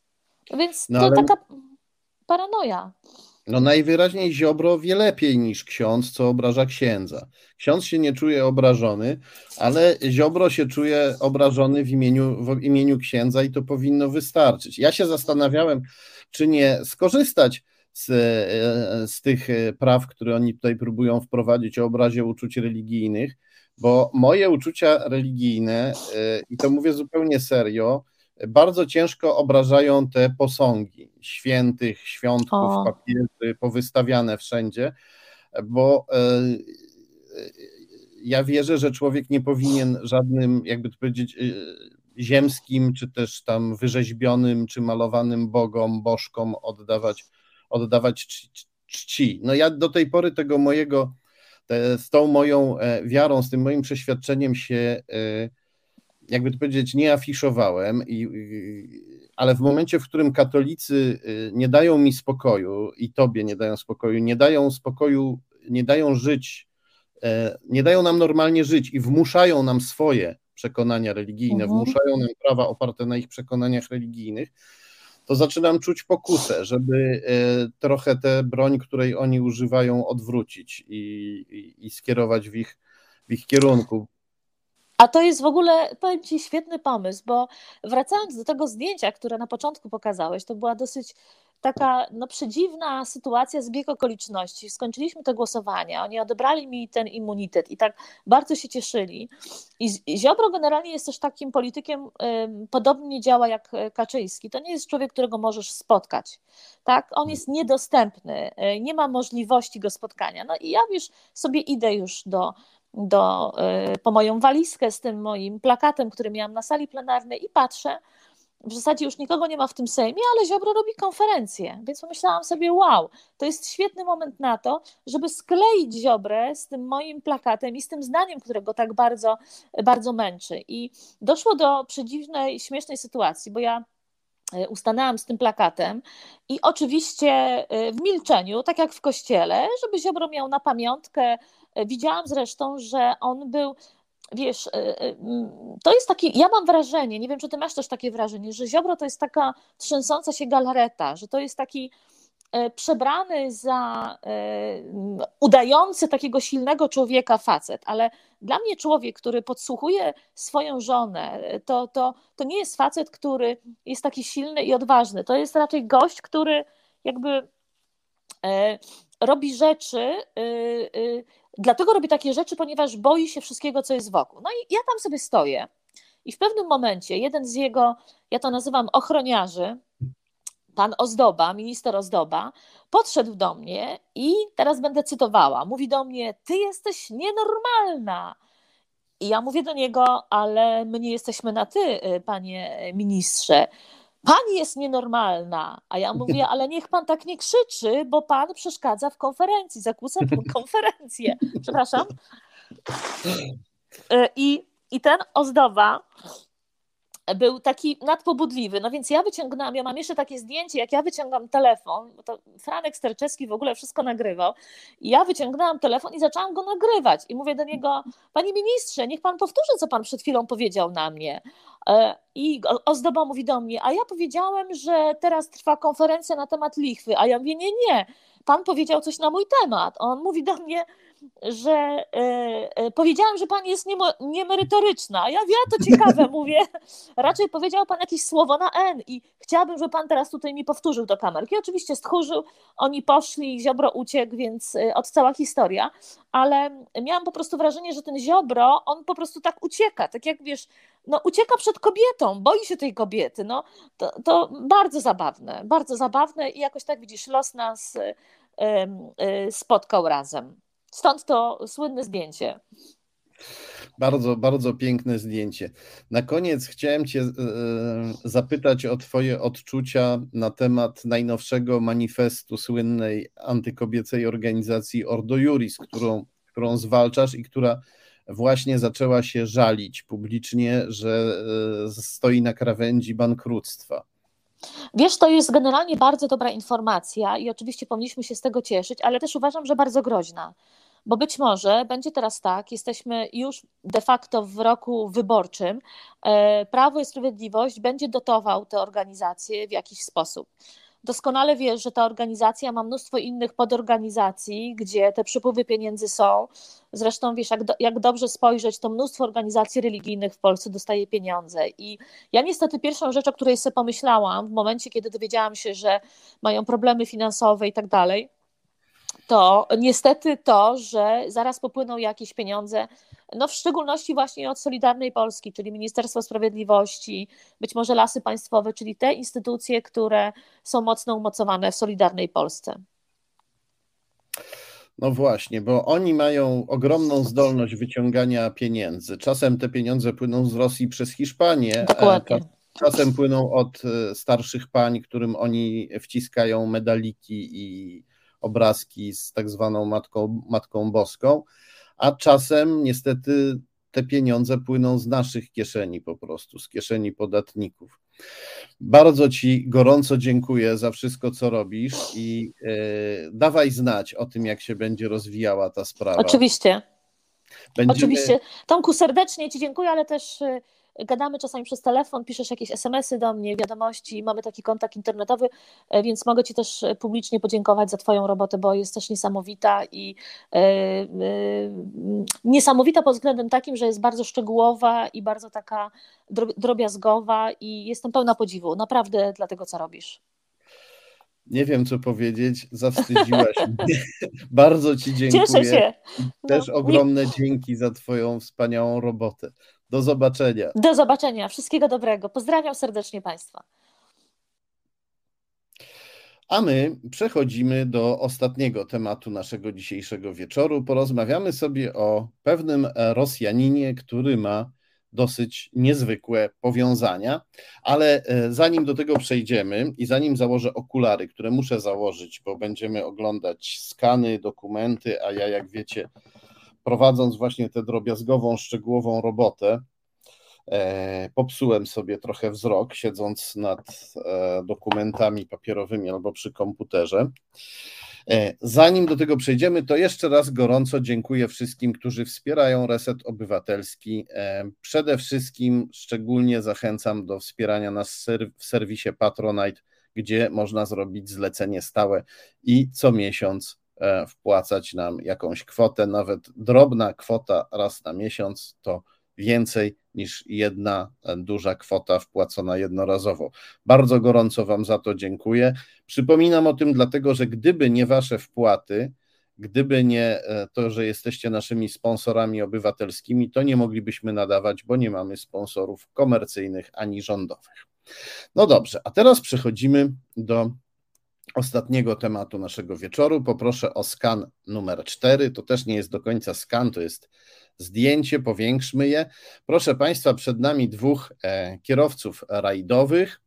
E, po lewej Robert Szustkowski, kierowca rajdowy i zarazem miliarder, o, o którym za chwilę powiemy. Po e, prawej stronie jego kolega Jarosław Kazberuk. Oni są częścią jednego teamu sponsorowanego przez pana Szustkowskiego, oczywiście, którego widzimy po lewej. Są częścią jednego zespołu rajdowego, mają te same na sobie uniformy i, i mają na tych e, uniformach e, te same e, logotypy swoich sponsorów. No bo tutaj pan Szustkowski sponsoruje się poprzez swoje własne firmy, sam siebie, ale też ma sponsorów zewnętrznych. I e, jeśli tutaj Państwo się przyjrzą bliżej, to zobaczą, że po e, lewej stronie torsu obu panów jest e, Radius Projekt jako sponsor. To jest e, firma z deweloperskiej grupy Radius, którą założył pan Szustkowski. A i jak widzimy, pan Szustkowski, ten po lewej stronie, trzyma e, ręce złożone na piersi dość wysoko. Być może jest w tym pewien zamysł, bo być może ma tam takie logo, którego nie chce pokazywać i przykrył je e, rękami. Natomiast jego kolega, pan Kazberuk, trzyma ręce trochę niżej i dzięki temu możemy zobaczyć kawałek tego logotypu sponsorskiego, który pan Szustkowski sobie zasłonił. Poproszę o kolejny skan, to będzie przybliżenie. Tak, widzimy tutaj na e, uniformie naszych rajdowców e, nad e, prawą ręką pana Kazberuka jest logotyp i nazwa moskiewskiego lotniska Wnukowo, które było sponsorem rajdu pana Szustkowskiego i jego, i jego kolegi. E, kto kontroluje e, lotnisko Wnukowo? Mm, poproszę o kolejny skan. Między innymi Andrzej Skocz, którego właśnie widzimy. Andrzej Skocz jest postacią na tyle znaną, że trafił do międzynarodowej anglojęzycznej Wikipedii. Jak widać, tutaj czytamy, że to rosyjski milioner współwłaściciel e, wielkiego kombinatu metalurgicznego Liebiediński Mining po angielsku, po e, e, rosyjsku najczęściej nazywa się skrótowo ten kombinat Lebgokiem. Lebgok. Skocz był też deputowanym do putinowskiej dumy, jest oligarchą wspierającym putinowski reżim. Organizował też takie młodzieżówki, bojówki paramilitarne we współpracy z GRU, czyli z e, rosyjskim wywiadem wojskowym i jego siłami specjalnymi. No i pan Skocz ma piękną przeszłość. Poproszę o kolejny skan. To jest zdjęcie. Widzimy tutaj pana e, Skocza po prawej stronie na dole. Po lewej, obok pana Skocza, siedzi Siergiej Michajłow, szef mafii sącewskiej, wielkiej postkomunistycznej, postsowieckiej organizacji przestępczej, jednej z największych organizacji przestępczych na świecie, ściśle współpracującej ze służbami specjalnymi najpierw Związku Sowieckiego, obecnie Rosji, a z tyłu za panem Skoczem stoi jego przyjaciel Lew Kwietnoi, też oligarcha.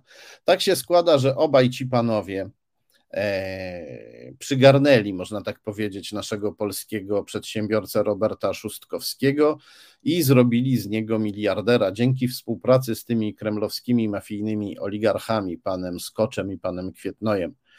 Pan Szustkowski stał się miliarderem. Sprawa została dokładnie opisana w książce Macierewicz i jego tajemnice.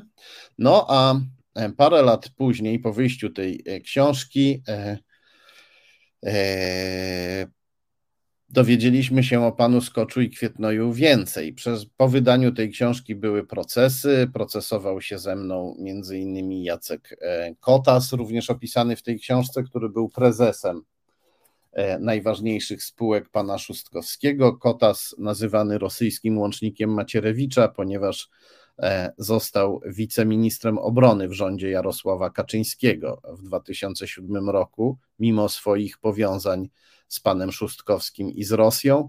I mimo tych powiązań, kontrwywiad e, wojskowy kierowany przez Antoniego Macierewicza dał panu Kotasowi prawo dostępu do tajemnic polskiej polskiej armii. Pan Kotas, podopieczny Szustkowskiego, podopieczny miliardera Szustkowskiego, założył też organizację ekspercką e, prywatną, nazywającą się Narodowe Centrum Studiów Strategicznych, z której Macierewicz rekrutował do MON e, promoskiewskich, proputinowskich i antyzachodnich ekspertów. To też jest opisane w tej książce. No, ale po parę lat po tym, jak ta książka wyszła, e, kolejne niezwykłe powiązanie pana Szustkowskiego odkrył Grzegorz Rzeczkowski i za chwilę zobaczymy, proszę Państwa, bardzo piękny obraz ilustrujący to powiązanie. Poproszę o kolejny skan. Tak, to co widzimy, proszę Państwa, to jest taki kolaż. Ja tutaj sobie pozwoliłem być przez chwilę artystą wizualnym i zrobiłem taki kolaż, taki montaż zrobiłem.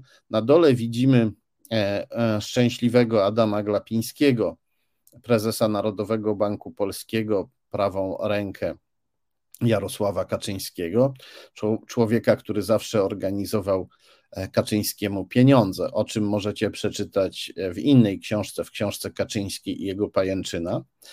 I to jest dół obrazka, a na górze obrazka widzimy piękną bramę do jeszcze piękniejszego pałacu, w którym Adam Glapiński mieszka sobie pod Warszawą. Byłem tam z Marcinem Celińskim, obszedłem dookoła ten pałac, obfotografowałem. Nie tylko ta brama tak wygląda, bo tu widzimy, ona ma jakieś takie orientalno-cerkiewne e, ozdoby jakieś takie kopułki, wieżyczki, cały pałac tak, e, tak wygląda. I Glapiński dostał ten pałac w prezencie od Roberta Szustkowskiego, a dokładnie od e, firmy, e, którą Szustkowski, która należy do grupy Radius założonej przez Szustkowskiego. Pan Szustkowski dał pałac firmie, a firma dała pałac Glapińskiemu. Dokładnie opisał to Grzegorz Rzeczkowski. Poproszę o kolejny skan. To jest nagłówek jednego z artykułów Grzegorza Rzeczkowskiego, gdzie czytamy: Obecny prezes Narodowego Banku Polskiego Adam Glapiński zamienił dom w Wilanowie na okazałą posiadłość pod Warszawą, bezgotówkowo, dzięki czemu zaoszczędził od podatku i od firmy związanej z biznesmenem robiącym interesy na wschodzie jeszcze w czasach ZSRR, potem pracującym dla ważnych rosyjskich oligarchów. Chodzi oczywiście o Roberta Szustkowskiego.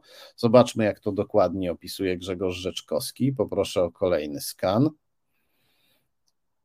Tutaj czytamy, że e, prezes NBP Adam Glapiński i jego żona są właścicielami tej e, ogromnej posiadłości od lutego 2009 roku. Wcześniej dom i działki należały do Roberta Szustkowskiego, e, robiącego interesy w Rosji i z Rosjanami w imieniu ważnych kremlowskich oligarchów. E, Rzeczkowski opisuje tutaj w artykule, że dotarł do sądowych dokumentów dotyczących posiadłości. W lutym 2009 roku Adam Glapiński stawił się z żoną u notariusza. Miał wtedy razem z żoną dom 386-metrowy z garażem i niewielkim ogrodem w Wilanowie. Można by pomyśleć, no nieźle mieć taki dom i to jeszcze w Wilanowie, tuż przy Pałacu Królewskim, ale ja tam byłem, widziałem ten dom, no on jest tak dość niefajnie położony, ponieważ tam jest dość ciasno, tam jest dużo takich domków naokoło tego domku e, i e, no bez wątpienia e, wartość tego domku, nawet w Wilanowie, no nie odpowiada tej ogromnej posiadłości wśród lasów nad rzeczką, gdzie teraz mieszka Adam Glapiński. Więc ta wymiana, to bardzo dziwne, że ta wymiana była bezgotówkowa. Co dalej czytamy w artykule Grzegorza Rzeczkowskiego? Czytamy, że w kancelarii się stawiła Katarzyna Pogłód, prezeska warszawskiej spółki ERA, e, która e, działała też na rynku paliwowym. Tu też były rosyjskie powiązania. Pani Pogłód e, razem z państwem glapińskimi dobiła interesu. No a skąd w ogóle tę posiadłość posiadała spółka ERA, należąca spółka ERA związana z panem Szóstkowskim? Otóż kupił ją, i tu poproszę o kolejny skan, wspomniany wcześniej Jacek Kotas, który później został wiceministrem obrony w rządzie Jarosława Kaczyńskiego, potem e, był e, członkiem rad e, nadzorczych innych i, i, prezesem, menedżerem innych spółek związanych z panem Szóstkowskim, w tym firmy paliwowej Colgard. Czytamy też w artykule, że Jan Śpiewak nazwał nazwał e, Jacka Kotasa rosyjskim łącznikiem albo rosyjskim łącznikiem Macierewicza, rosyjskim łącznikiem PiS, tak go nazywano. Jak też go tak nazwałem, pan Kotas wytoczył mi dwa procesy, jeden karny, drugi cywilny, jednak e, i sąd karny, i sąd cywilny prawomocnie również w drugiej instancji orzekły, że Jacka Kotasa można tak e, nazywać. Kolejny fragment, już ostatni artykuł Grzegorza Rzeczkowskiego. Czytamy w nim, że e, osobą, od której Jacek Kotas w imieniu spółki ERA odkupił posiadłość, żeby później ją przekazać Glapińskiego, tą osobą był właśnie Robert Szustkowski.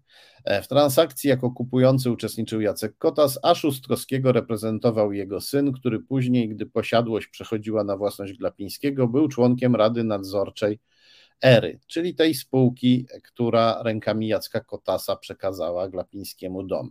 I tu pisze bardzo słusznie Grzegorz Rzeczkowski, można więc powiedzieć, że w jakimś sensie Szustkowski zachował kontrolę nad tym, w czyje ręce trafił jego dawny dom. To oczywiste, no bo spółkami grupy Radius pan Szustkowski rządził. E, on temu zaprzecza, ale jeszcze w 2012 roku oficjalnie występował jako pan i władca tych spółek, jego syn jest tam po prostu słupem. I tu e, Grzegorz Rzeczkowski dodaje, że drugim członkiem Rady Nadzorczej spółki ERA, która dała Glapińskiemu pałac, był e, Wojciech Kuranowski, były szwagier Szustkowskiego, miliardera Roberta Szustkowskiego, a dom użytkowała też Fundacja Marzenny Szustkowskiej, czyli żony Szustkowskiego. Więc jakby nie patrzeć, z rąk Szustkowskiego i rodziny państwa Szustkowskich ten pałac trafił e, w ręce Adama Glapińskiego, prezesa Narodowego Banku Polskiego. E, w innym piśmie, w tygodniku Polityka, poproszę o kolejny skan, e, Grzegorz Rzeczkowski o właśnie dzwoni do mnie Grzegorz Rzeczkowski, nie mogę, nie mogę w tej chwili odebrać. Grzegorz Rzeczkowski napisał o lotnisku Wnukowo. Napisał o tym, że Szóstkowski reklamuje lotnisko Wnukowo, moskiewskie lotnisko Wnukowo, które e, podczas rajdów samochodowych, tak jak widzieliśmy, napisał, że lotnisko Wnukowo e, jest kontrolowane pośrednio przez Andrzeja Skocza, czyli tego oligarchę, którego widzieliśmy. E, I i dodał jeszcze w tym artykule Grzegorz Rzeczkowski, że pan Wojciech Kuranowski, szwagier Szustkowskiego, który e, nadzorował spółkę ERA, dobroczynną dla Glapińskiego, że Kuranowski reprezentował w Polsce Lebgok, e, e, spółkę córkę rosyjskiego kombinatu Lebiediński GOK, o tym kombinacie też wspominaliśmy, i współwłaścicielem kombinatu jest znowu kremlowski mafijny oligarcha Andrzej, Andrzej Skocz. Więc gdzieby, do jakiego kąta by nie zajrzeć w tym pałacu, w tej posiadłości e, Glapińskiego, wyłazi nam pan Szóstkowski. A jakby nie zaglądać, z której strony by nie zajrzeć za pana Szóstkowskiego, to wyłazi nam wychodzi nam e, e, kremlowski mafijny oligarcha Andrzej, e, Andrzej Skocz. I Grzegorz Rzeczkowski poszedł tropem pana Szóstkowskiego dalej. Poproszę o kolejny skan. To jest nagłówek kolejnego artykułu. Okazało się bowiem, że Robert Szóstkowski, mm, Robert Szóstkowski był również E, szefem polskiej filii rosyjskiego Montaż Spiecbanku w latach 90. Montaż Spiecbank związany z mafią sącewską, czyli z tą samą mafią, z którą związany jest Andrzej Skocz.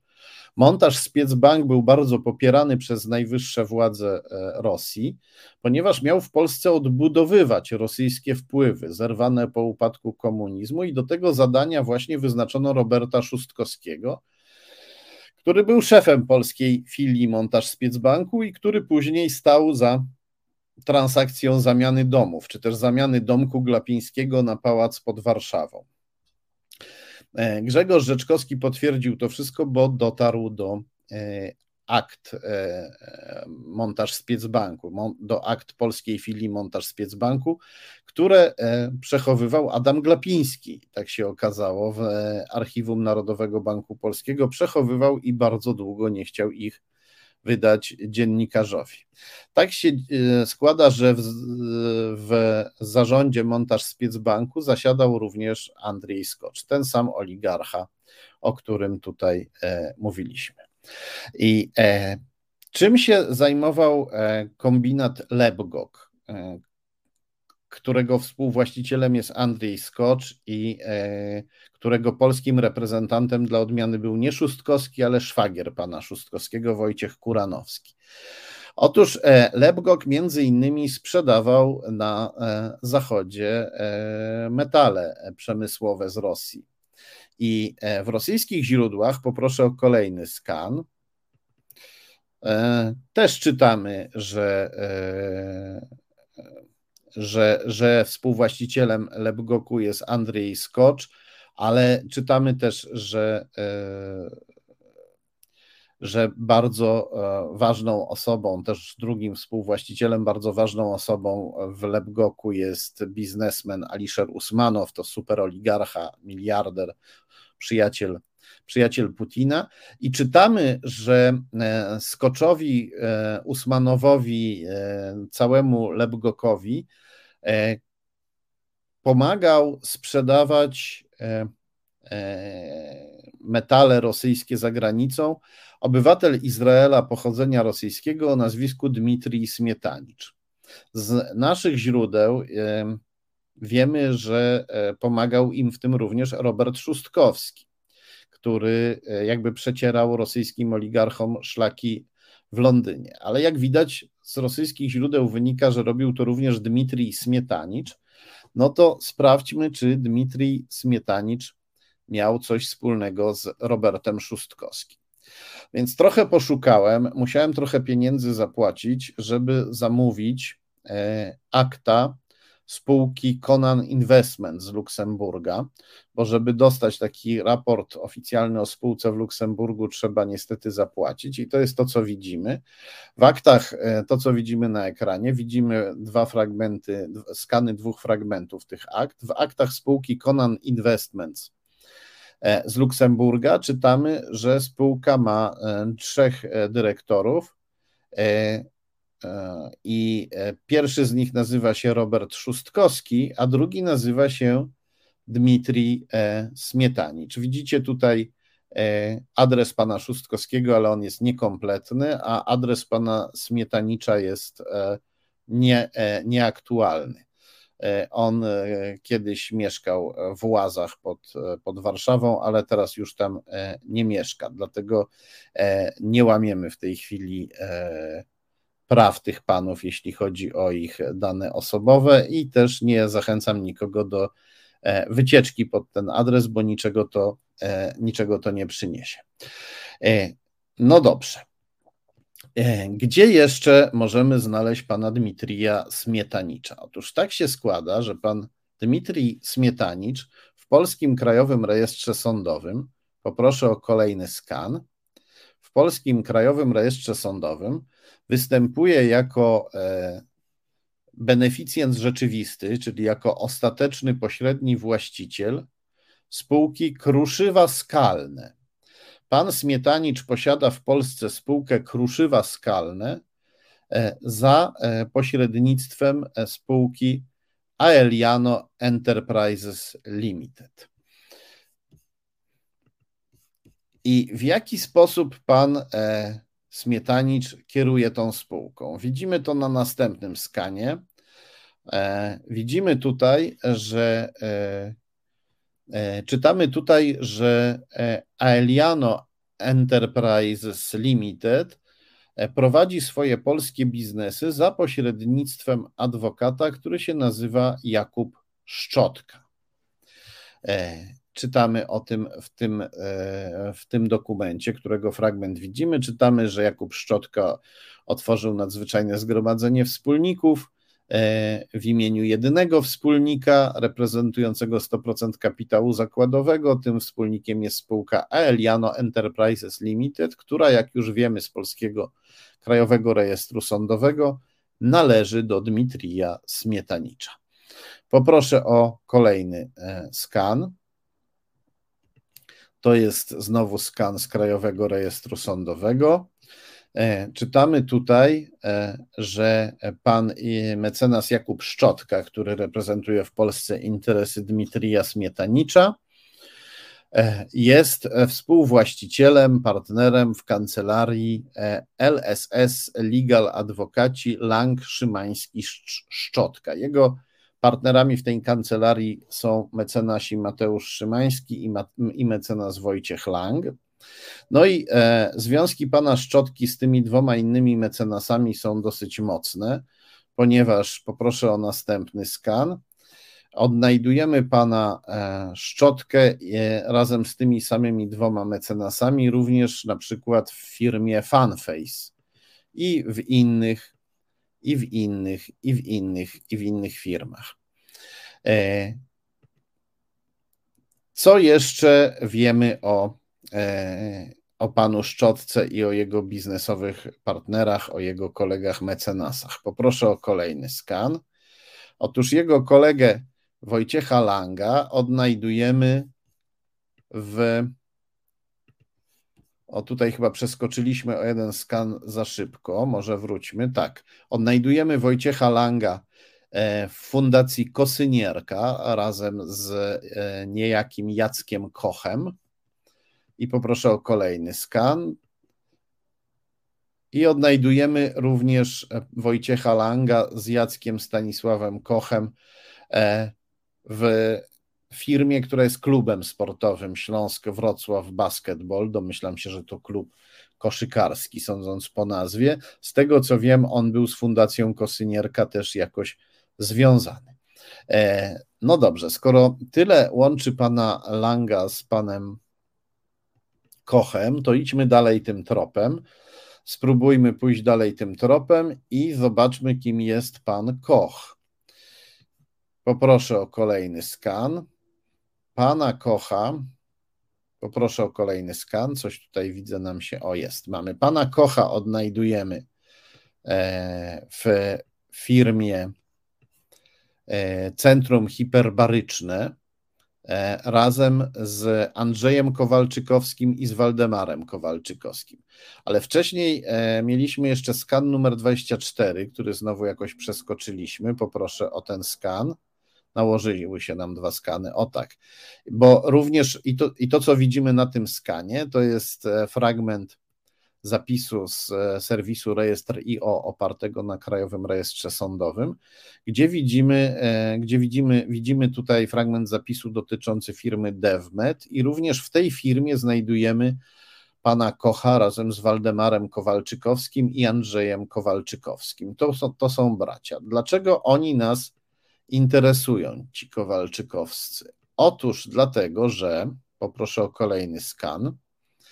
E, I jeszcze jeden skan poproszę, następny, bo ten już widzieliśmy.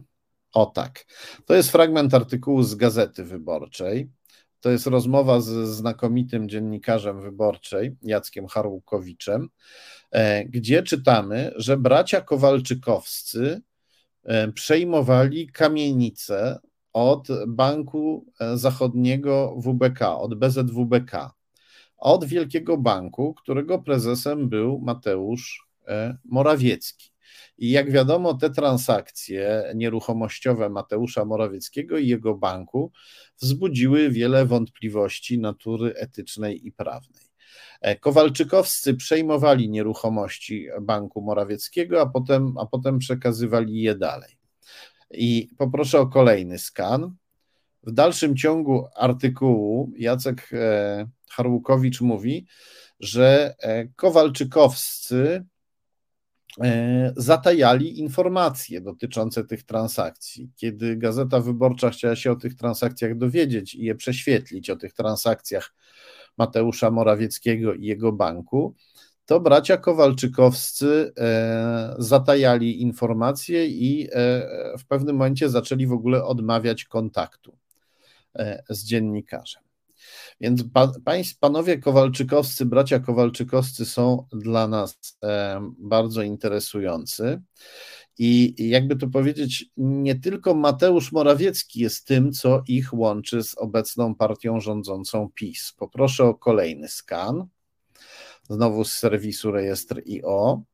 Widzimy tutaj na samej górze tego skanu Andrzeja Kowalczykowskiego, trochę niżej Waldemara Kowalczykowskiego, a na samym dole Macieja Miłkowskiego. E, Maciej Miłkowski, jak widzimy na tym skanie, był prezesem zarządu spółki, która się e, nazywała Europejska Klinika Rehabilitacji Wiktoria, teraz się nazywa Wiktoria Król. Maciej Miłkowski był prezesem zarządu tej spółki, a potem przekazał ją w ręce e, braci Kowalczykowskich i, i, i ich kolegów. A dlaczego nas interesuje Maciej Miłkowski? Poproszę o kolejny skan. Albowiem starczy sięgnąć do Wikipedii, żeby zobaczyć, że Maciej Miłkowski to e, wiceminister zdrowia w rządzie PiS. E, a wcześniej był e, wiceprezesem Narodowego Funduszu Zdrowia, wiceprezesem do spraw finansowych. I nie trzeba długo szukać, żeby zobaczyć, poproszę o kolejny skan, nie trzeba długo szukać, żeby trafić na przykład na artykuł w portalu Rynek Zdrowia, w którym czytamy, że Maciej Miłkowski pomagał e, tuszować słynną aferę respiratorową, również powiązaną z Rosją, o czym wielokrotnie mówiłem i pisałem, e, i pisałem w Newsweeku. E, zatem bracia Kowalczykowscy, jakby to powiedzieć, między premierem Morawieckim a wiceministrem Miłkowskim są dosyć e, mocno e, osadzeni w środowisku pisowskim, czy też około pisowskim, w tej takiej otulinie biznesowej, szarej strefie wokół PiSu, a równocześnie przez e, panów Kocha i Langa są powiązani z mecenasem Szczotką, który obsługuje w Polsce Dmitrija Smietanicza związanego z e, Andrzejem Skoczem, z Robertem Szustkowskim, z e, oligarchami e, Kremla i, i o przeszłości mafijnej. No dobrze, co jeszcze wiemy o mecenasie Szczotce i jego kolegach? E, odnajdujemy go razem z jego dwoma kolegami również e, w spółce Legal Card. Poproszę o kolejny skan z serwisu rejestr IO. E, Jakub Szczotka występuje jako wspólnik tej spółki razem z Mateuszem Szymańskim i Wojciechem Langiem, a ich kolegą przez pewien czas był widoczny na dole skanu Andrzej Bartnik, wspólnik i prezes e, i wiceprezes zarządu tej spółki do 2013 roku. Gdzie jeszcze odnajdujemy Andrzeja Bartnika? Poproszę o kolejny skan. Andrzeja Bartnika odnajdujemy e, w spółce Fast Finance. Nadzorował ją w latach 2017-2019. Spółka Fast Finance to spółka z branży, którą wszyscy bardzo lubimy, mianowicie chodzi o windykację, odzyskiwanie długów. Fast Finance to brzmi jak szybkie pieniądze. E, no cóż, jeśli windykatorzy z tej firmy rozumieją swoją pracę jako pozyskiwanie szybkich pieniędzy, to to może nie powinni być windykatorami. I e, czego się dowiadujemy, kiedy, e, kiedy, e, kiedy zaczynamy badać e, losy spółki Fast Finance? Poproszę o kolejny skan. Dowiadujemy się, że Fast Finance E, wybrało na administr administratora zastawu dla swoich obligacji kancelarię LSS Legal, adwokaci Lang, Szymański, Szczotka. Czyli jak widać, nie tylko Andrzej Bartnik łączy naszych mecenasów, naszą trójkę mecenasów z firmą Fast Finance. Nasi mecenasi po prostu firmę Fast Finance obsługują. Więc przyjrzałem się bliżej firmie Fast Finance i co zobaczyłem? Otóż e, na krótko przed tą decyzją, na krótko przed tym, jak firma Fast Finance postanowiła korzystać z usług mecenasa Szczotki i jego kolegów, do rady nadzorczej spółki Fast Finance wszedł Marek Szmigiel. E, poproszę o kolejny skan. Widzimy, jak Marek Szmigiel tutaj wchodzi w marcu 2020 roku do spółki Fast Finance, która kilka miesięcy później wybierze e, Szczotkę i jego kolegów na administratorów swojego zastawu dla obligacji. I kim jest ten Marek Szmigiel? Cóż to jest za biznesmen? Poproszę o kolejny skan. To fragment e, strony internetowej firmy Fast Finance, e, jeden z raportów bieżących. E, czytamy tam, że Marek Szmigiel to nie biznesmen, to policjant. Ukończył Wyższą Szkołę Oficerską Policji w, w Szczytnie, służył jako komendant miejski we Wrocławiu, a potem był wicekomendantem wojewódzkim we Wrocławiu. A potem jakoś coś się stało, że trafił do Inspektoratu Transportu Drogowego, a potem został menedżerem działu bezpieczeństwa e, e, Miejskiego Przedsiębiorstwa Wodociągów. To taka dziwna kariera dla policjanta, tym bardziej jeszcze potem trafia do Rady Nadzorczej spółki Fast Finance. Co się takiego stało, że pan Szmigiel odszedł e, z policji? No i znowu odpowiedzi nie trzeba długo szukać. Znajdujemy w Newsweeku bardzo ciekawy artykuł. Poproszę o kolejny skan. To jest nagłówek tego artykułu. Czytamy, że e, słynny, aczkolwiek może trochę niesławny biznesmen Robert Sobiesiak gościł u siebie oficerów e, policji. Poproszę o następny skan, to jest dłuższy fragment tego artykułu. E, czytam, co następuje. Czy znany z afery hazardowej wrocławski biznesmen Ryszard Sobiesiak gościł w swoim ośrodku w Zieleńcu wysokich rangą funkcjonariuszy policji z Wrocławia, m.in. wiceszefa Komendy Wojewódzkiej Marka Szmigla? Według informacji gazety Polska The Times ujawnienie tych faktów stało się powodem, dla którego śledztwo w sprawie budowy przez Sobiesiaka wyciągu w Zieleńcu przeniesiono z Wrocławia do Legnicy. To kłamstwo. Nigdy nie byłem w żadnym ośrodku Sobiesiaka. Widywałem go na meczach. Raz był u mnie ze skargą, ale jego zarzuty się nie potwierdziły, zapewnia komendant Szmigiel. Są znajomymi. Wiem, że komendant jeździł do Zieleńca, mówi gazecie jeden z, jeden z oficerów policji. Na początku roku wrocławska prokuratura okręgowa wszczęła śledztwo w sprawie inwestycji Sobiesiaka w Zieleńcu. Śledczy i agenci CBA sprawdzali, czy budowa nie była wspierana przez nieuczciwych urzędników, którzy w ekspresowym tempie wydawali korzystne dla biznesmena decyzje. Jak się dowiaduje, e, Polska The Times od informatora, wicekomendant Szpigiel jest dobrym znajomym szefa prokuratury e, apelacyjnej we Wrocławiu, który zamiast poprosić o przekazanie sprawy poza Dolny Śląsk, przeniósł ją do Legnicy, czyli do prokuratury, która nadal mu podlegała. Taka przyjacielska e, usługa. Ten artykuł pochodzi z 2010 roku, więc mówimy o sprawach zamierzchłych. W naszych czasach szybko traci się pamięć, więc może przypomnę, kim był Ryszard Sobiesiak. Poproszę o kolejny skan. To tutaj nie będę się wdawał w jakieś długie rozważania. E, wystarczy zajrzeć do Wikipedii, żeby sobie w skrótowej formie przypomnieć. Afera hazardowa to wydarzenia związane z ujawnieniem lobbingu politycznego w trakcie prac nad nowelizacją ustawy o e, hazardzie. Aferę ujawniono w 2009 roku po opublikowaniu przez Rzeczpospolitą artykułu Cezarego Gmyza, dziś główny propagandista pisowski, i zawartych w nim stenogramów nagrań rozmów szefa klubu parlamentarnego Platformy Obywatelskiej Zbigniewa Chlebowskiego z biznesmenem z branży hazardowej e, Ryszardem Sobiesiakiem. Gmyz prawdopodobnie uzyskał te stenogramy uzyskał ten przeciek z Centralnego Biura Antykorupcyjnego. Jak wiadomo, w CBA również za czasów Platformy siedzieli pisowcy, a szczególnie właśnie na Dolnym, e, na Dolnym Śląsku. E, e, jak widać, za pomocą tej afery PiS rękami CBA i Cezarego Gmyza próbował uderzyć w rządzącą wówczas Platformę. Czytamy też tutaj, że w rozmowach uczestniczyli m.in. lobbysta Jan Kosek, przyjaciel i współpracownik Ryszarda Sobiesiaka. E, według stenogramów Sobiesiak twierdził, że w tej sprawie rozmawiał również z ministrem e, sądu, e, z ministrem sportu i turystyki Mirosławem Drzewieckim.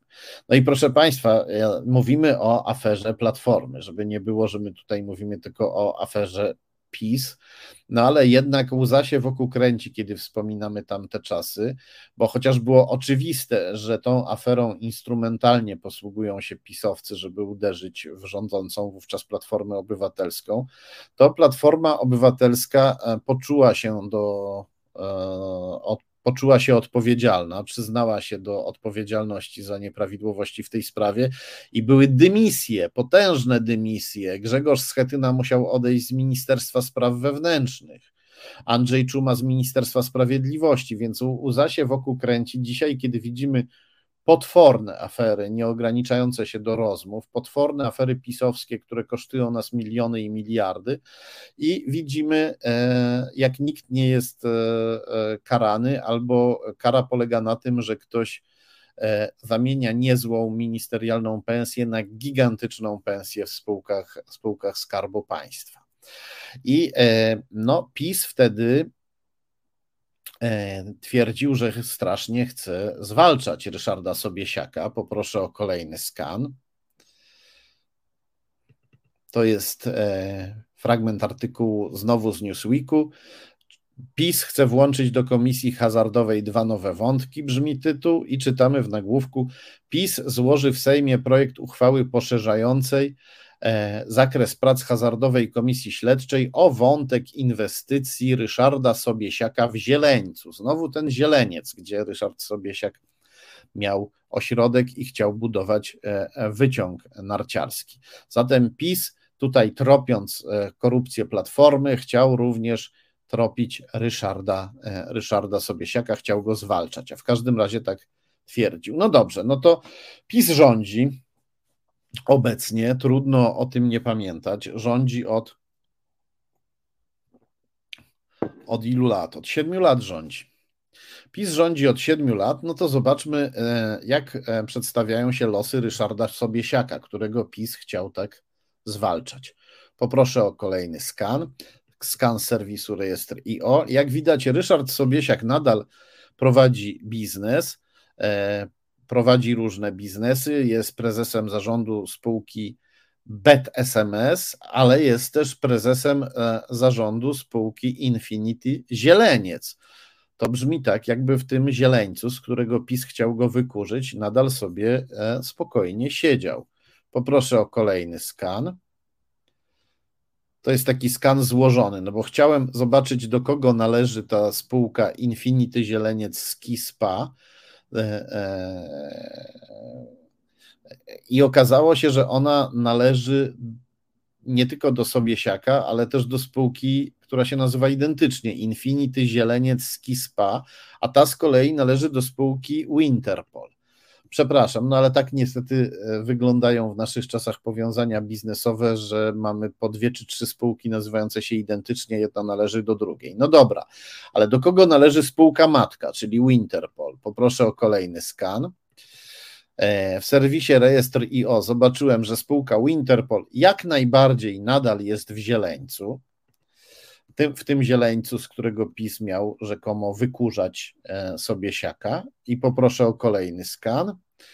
E,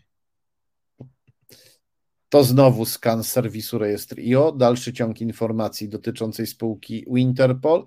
Okazuje się, że e, wspólnikiem tej, wspólnikami w tej spółce są Ryszard Sobiesiak, Marek Sobiesiak i Magdalena Sobiesiak. Czyli w Zieleńcu i w tej spółce nadal sobie siedzi Sobiesiak razem z całą swoją e, rodziną. I najwyraźniej PiS go stamtąd w żaden sposób nie wykurzył, nie zrobiło tego CBA, przynajmniej o ile widać w Krajowym Rejestrze Sądowym. Może tu chodzi o wdzięczność, może PiS jest wdzięczny, że dzięki Sobiesiakowi udało się trochę zszargać opinię Platformy Obywatelskiej w latach 2009-2011, a może chodzi o coś więcej, albowiem e, Sobiesiak to człowiek interesujący. E, kiedy się tak zagląda coraz głębiej w przeszłość w tym Krajowym Rejestrze Sądowym, to dochodzi się do spółki Estrada Polska. Poproszę o kolejny skan. To jest e, skan z, ze stron serwisu rejestr IO dotyczących spółki Estrada Polska. Czytamy tam, że wspólnikiem i nadzorcą tej spółki był Ryszard Sobiesiak w latach 2002-2005, a potem przekazał ją firmie Nowopoland, która należy do austriackiej firmy Novomatic, to potentat na rynku hazardowym. E, do spółki wszedł jako wspólnik i nadzorca Thomas Graf, to członek austriackiej rodziny Grafów, do której e, należy do której e, należy Novomatic, austriacki potentat hazardowy. No i w firmie jako prezes pojawił się na chwilę Jan Kosek, lobbysta znany też z afery hazardowej, przyjaciel Sobiesiaka. W serwisie Rejestrio widzimy, poproszę o kolejny skan, że e, Estrada Polska do dziś należy do firmy Novomatic. Jako beneficjent rzeczywisty figuruje Johann Graf, głowa tej biznesowej rodziny z Austrii. No i tak się składa, że e, no ta, ta tutaj e, to powiązanie Sobiesiaka z Nowomatikiem nie jest wcale przypadkowe. Sobiesiak jako sportowiec za czasów komunizmu wyjechał do Austrii, gdzie był gdzie był piłkarzem, gdzie zawarł wiele interesujących znajomości. Poproszę o kolejny skan. To jest e, fragment artykułu Gazety Rzeczpospolita pod tytułem Sekrety Fortuny Sobiesiaka.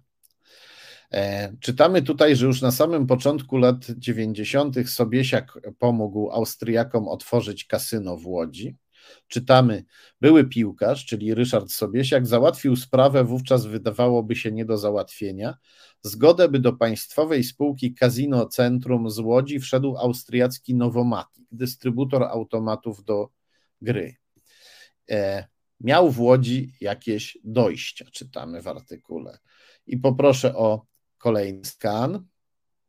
To dalszy ciąg tego artykułu. Dlaczego jednak spółka Novomatic nie widniała oficjalnie jako udziałowiec? Był przepis, że cudzoziemska firma nie może być udziałowcem kasyna. Potem się zmienił, czytamy w artykule. Casino Centrum powstało w 90 roku. E, w dokumentach z powołania tej spółki pojawia się nazwisko e, Roberta Brennema z austriackiej spółki Novomatic. No i spółka Novomatic związana z Sobiesiakiem, który e, którego PiS tak łagodnie traktuje, spółka Novomatic. Poproszę o kolejny skan. Od lat prowadzi e, interesy w Rosji, w putinowskiej Rosji. W dwa, już w 2004 roku e, liczyła na to, że e, jej e, automaty staną się, jej automaty do, do gier hazardowych staną się numerem jeden na rynku hazardu w Rosji, jak czytamy tutaj w tym artykule, który, którego skan właśnie prezentuje. I poproszę o kolejny skan, ostatni już dzisiaj. Czytamy również, że e, firma Octavian, jako część e, e, firmy Novomatic, działa, działa w Rosji i informacja ta pochodzi z 2016 roku, z magazynu poświęconego grom hazardowym z 2016 roku. Zatem chodziłoby o czas, zatem chodziłoby już o czasy znacznie nam bliższe, o okres następujący po napaści Putina na Ukrainę, bo przypominam, pierwsza napaść miała miejsce w roku 2000, 2014. No i taka to, proszę Państwa, historia. Od Glapińskiego i Macierewicza trafiliśmy przez Szóstkowskiego i oligarchę Skocza do pana Smietanicza, a od pana Smietanicza trafiliśmy do mecenasa Szczotki, zanurzyliśmy się w gąszczu wrocławskich biznesów, w których pojawiły się nieruchomości pochodzące od Mateusza Morawieckiego. Trafiliśmy do odzyskiwaczy długów z Fast Finance, gdzie wypłynął nam wiceminister zdrowia pan Miłkowski. A w końcu trafiliśmy do głównego bohatera afery hazardowej, która zaszkodziła Platformie Obywatelskiej i którego PiS wbrew zapowiedziom e, traktuje e, niezwykle powściągliwie, choć chciało, choć PiS zapowiadało, że będzie e, tegoż biznesmena Ryszarda Sobiesiaka ścigać. Taka to, proszę Państwa, historia i obawiam się, że tego rodzaju powiązań niestety w Polsce jest, jest więcej. Kiedy się zagłębiamy w biznesy pisowskie i okołopisowskie, to e, ciągle w ten czy inny sposób natykamy się na Rosję. Podobnie jak to jest w przypadku dezinformacji, o której mówiła dzisiaj Anna Mierzyńska. Gdy zaczyna się badać źródła dezinformacji, prędzej czy później trafia się niestety E, na Rosję. Niektórzy z nas tego się obawiają i nie zagłębiają się w te tematy, żeby nie zderzać się z tą Rosją tak nieustannie, ale coraz więcej jest odważnych, których serdecznie pozdrawiam, do których wy się zaliczacie, bo oglądacie ten program. Kochani, bardzo serdecznie zapraszam Was w piątek o 17.30 e, do siedziby wydawnictwa Arbitror e, i e, siedziby Resetu Obywatelskiego. Będziemy tam mieli nasze, z okazji naszego dwulecia robimy takie dni otwarte. Takie dni otwarte, gdzie każdy z Was, jeśli chce, może przyjść i się spotkać z nami. Ja tam będę. W piątek o godzinie 17.30 będę na was, będę na was czekał. No jak ktoś przyjdzie trochę wcześniej o 17, to też pewnie już, e, to też pewnie już będę. Fundacja Arbitror przy ulicy Andersa 10 w Warszawie wchodzi się od strony ulicy, od strony ulicy Wałowej, czyli jakby od tyłu, nie od strony Andersa, tylko trzeba kawałek przejść Świętojerską i skręcić, to każdy sobie może sprawdzić na Google Mapach albo w GPS-ie sobie jakoś to wyszukać. E, E, od ulicy Wałowej, Andersa 10, wejście od podwórka. E, to są takie drzwi na parterze obok klatki schodowej. Tam na drzwiach jest napisane wydawnictwo Arbitror, Reset Obywatelski. Będę na Was czekał. Bardzo serdecznie Was pozdrawiam i przypominam, że obchodzimy dwulecie. Już dwa lata jesteśmy z Wami. Dzięki Wam, dzięki Waszemu wsparciu bezcennemu, za które ogromnie Wam Dziękuję. Muszę kończyć, bo już za chwilę prawoteka. Widzimy się i słyszymy za tydzień, ale także widzimy się i słyszymy w piątek podczas e, dni e, otwartych. Do zobaczenia za tydzień albo w piątek. Super, że jesteście. Raz jeszcze wielkie dzięki i wielkie dzięki dla naszego realizatora Macieja, który bardzo dzielnie realizował dzisiejszy program. Do zobaczenia.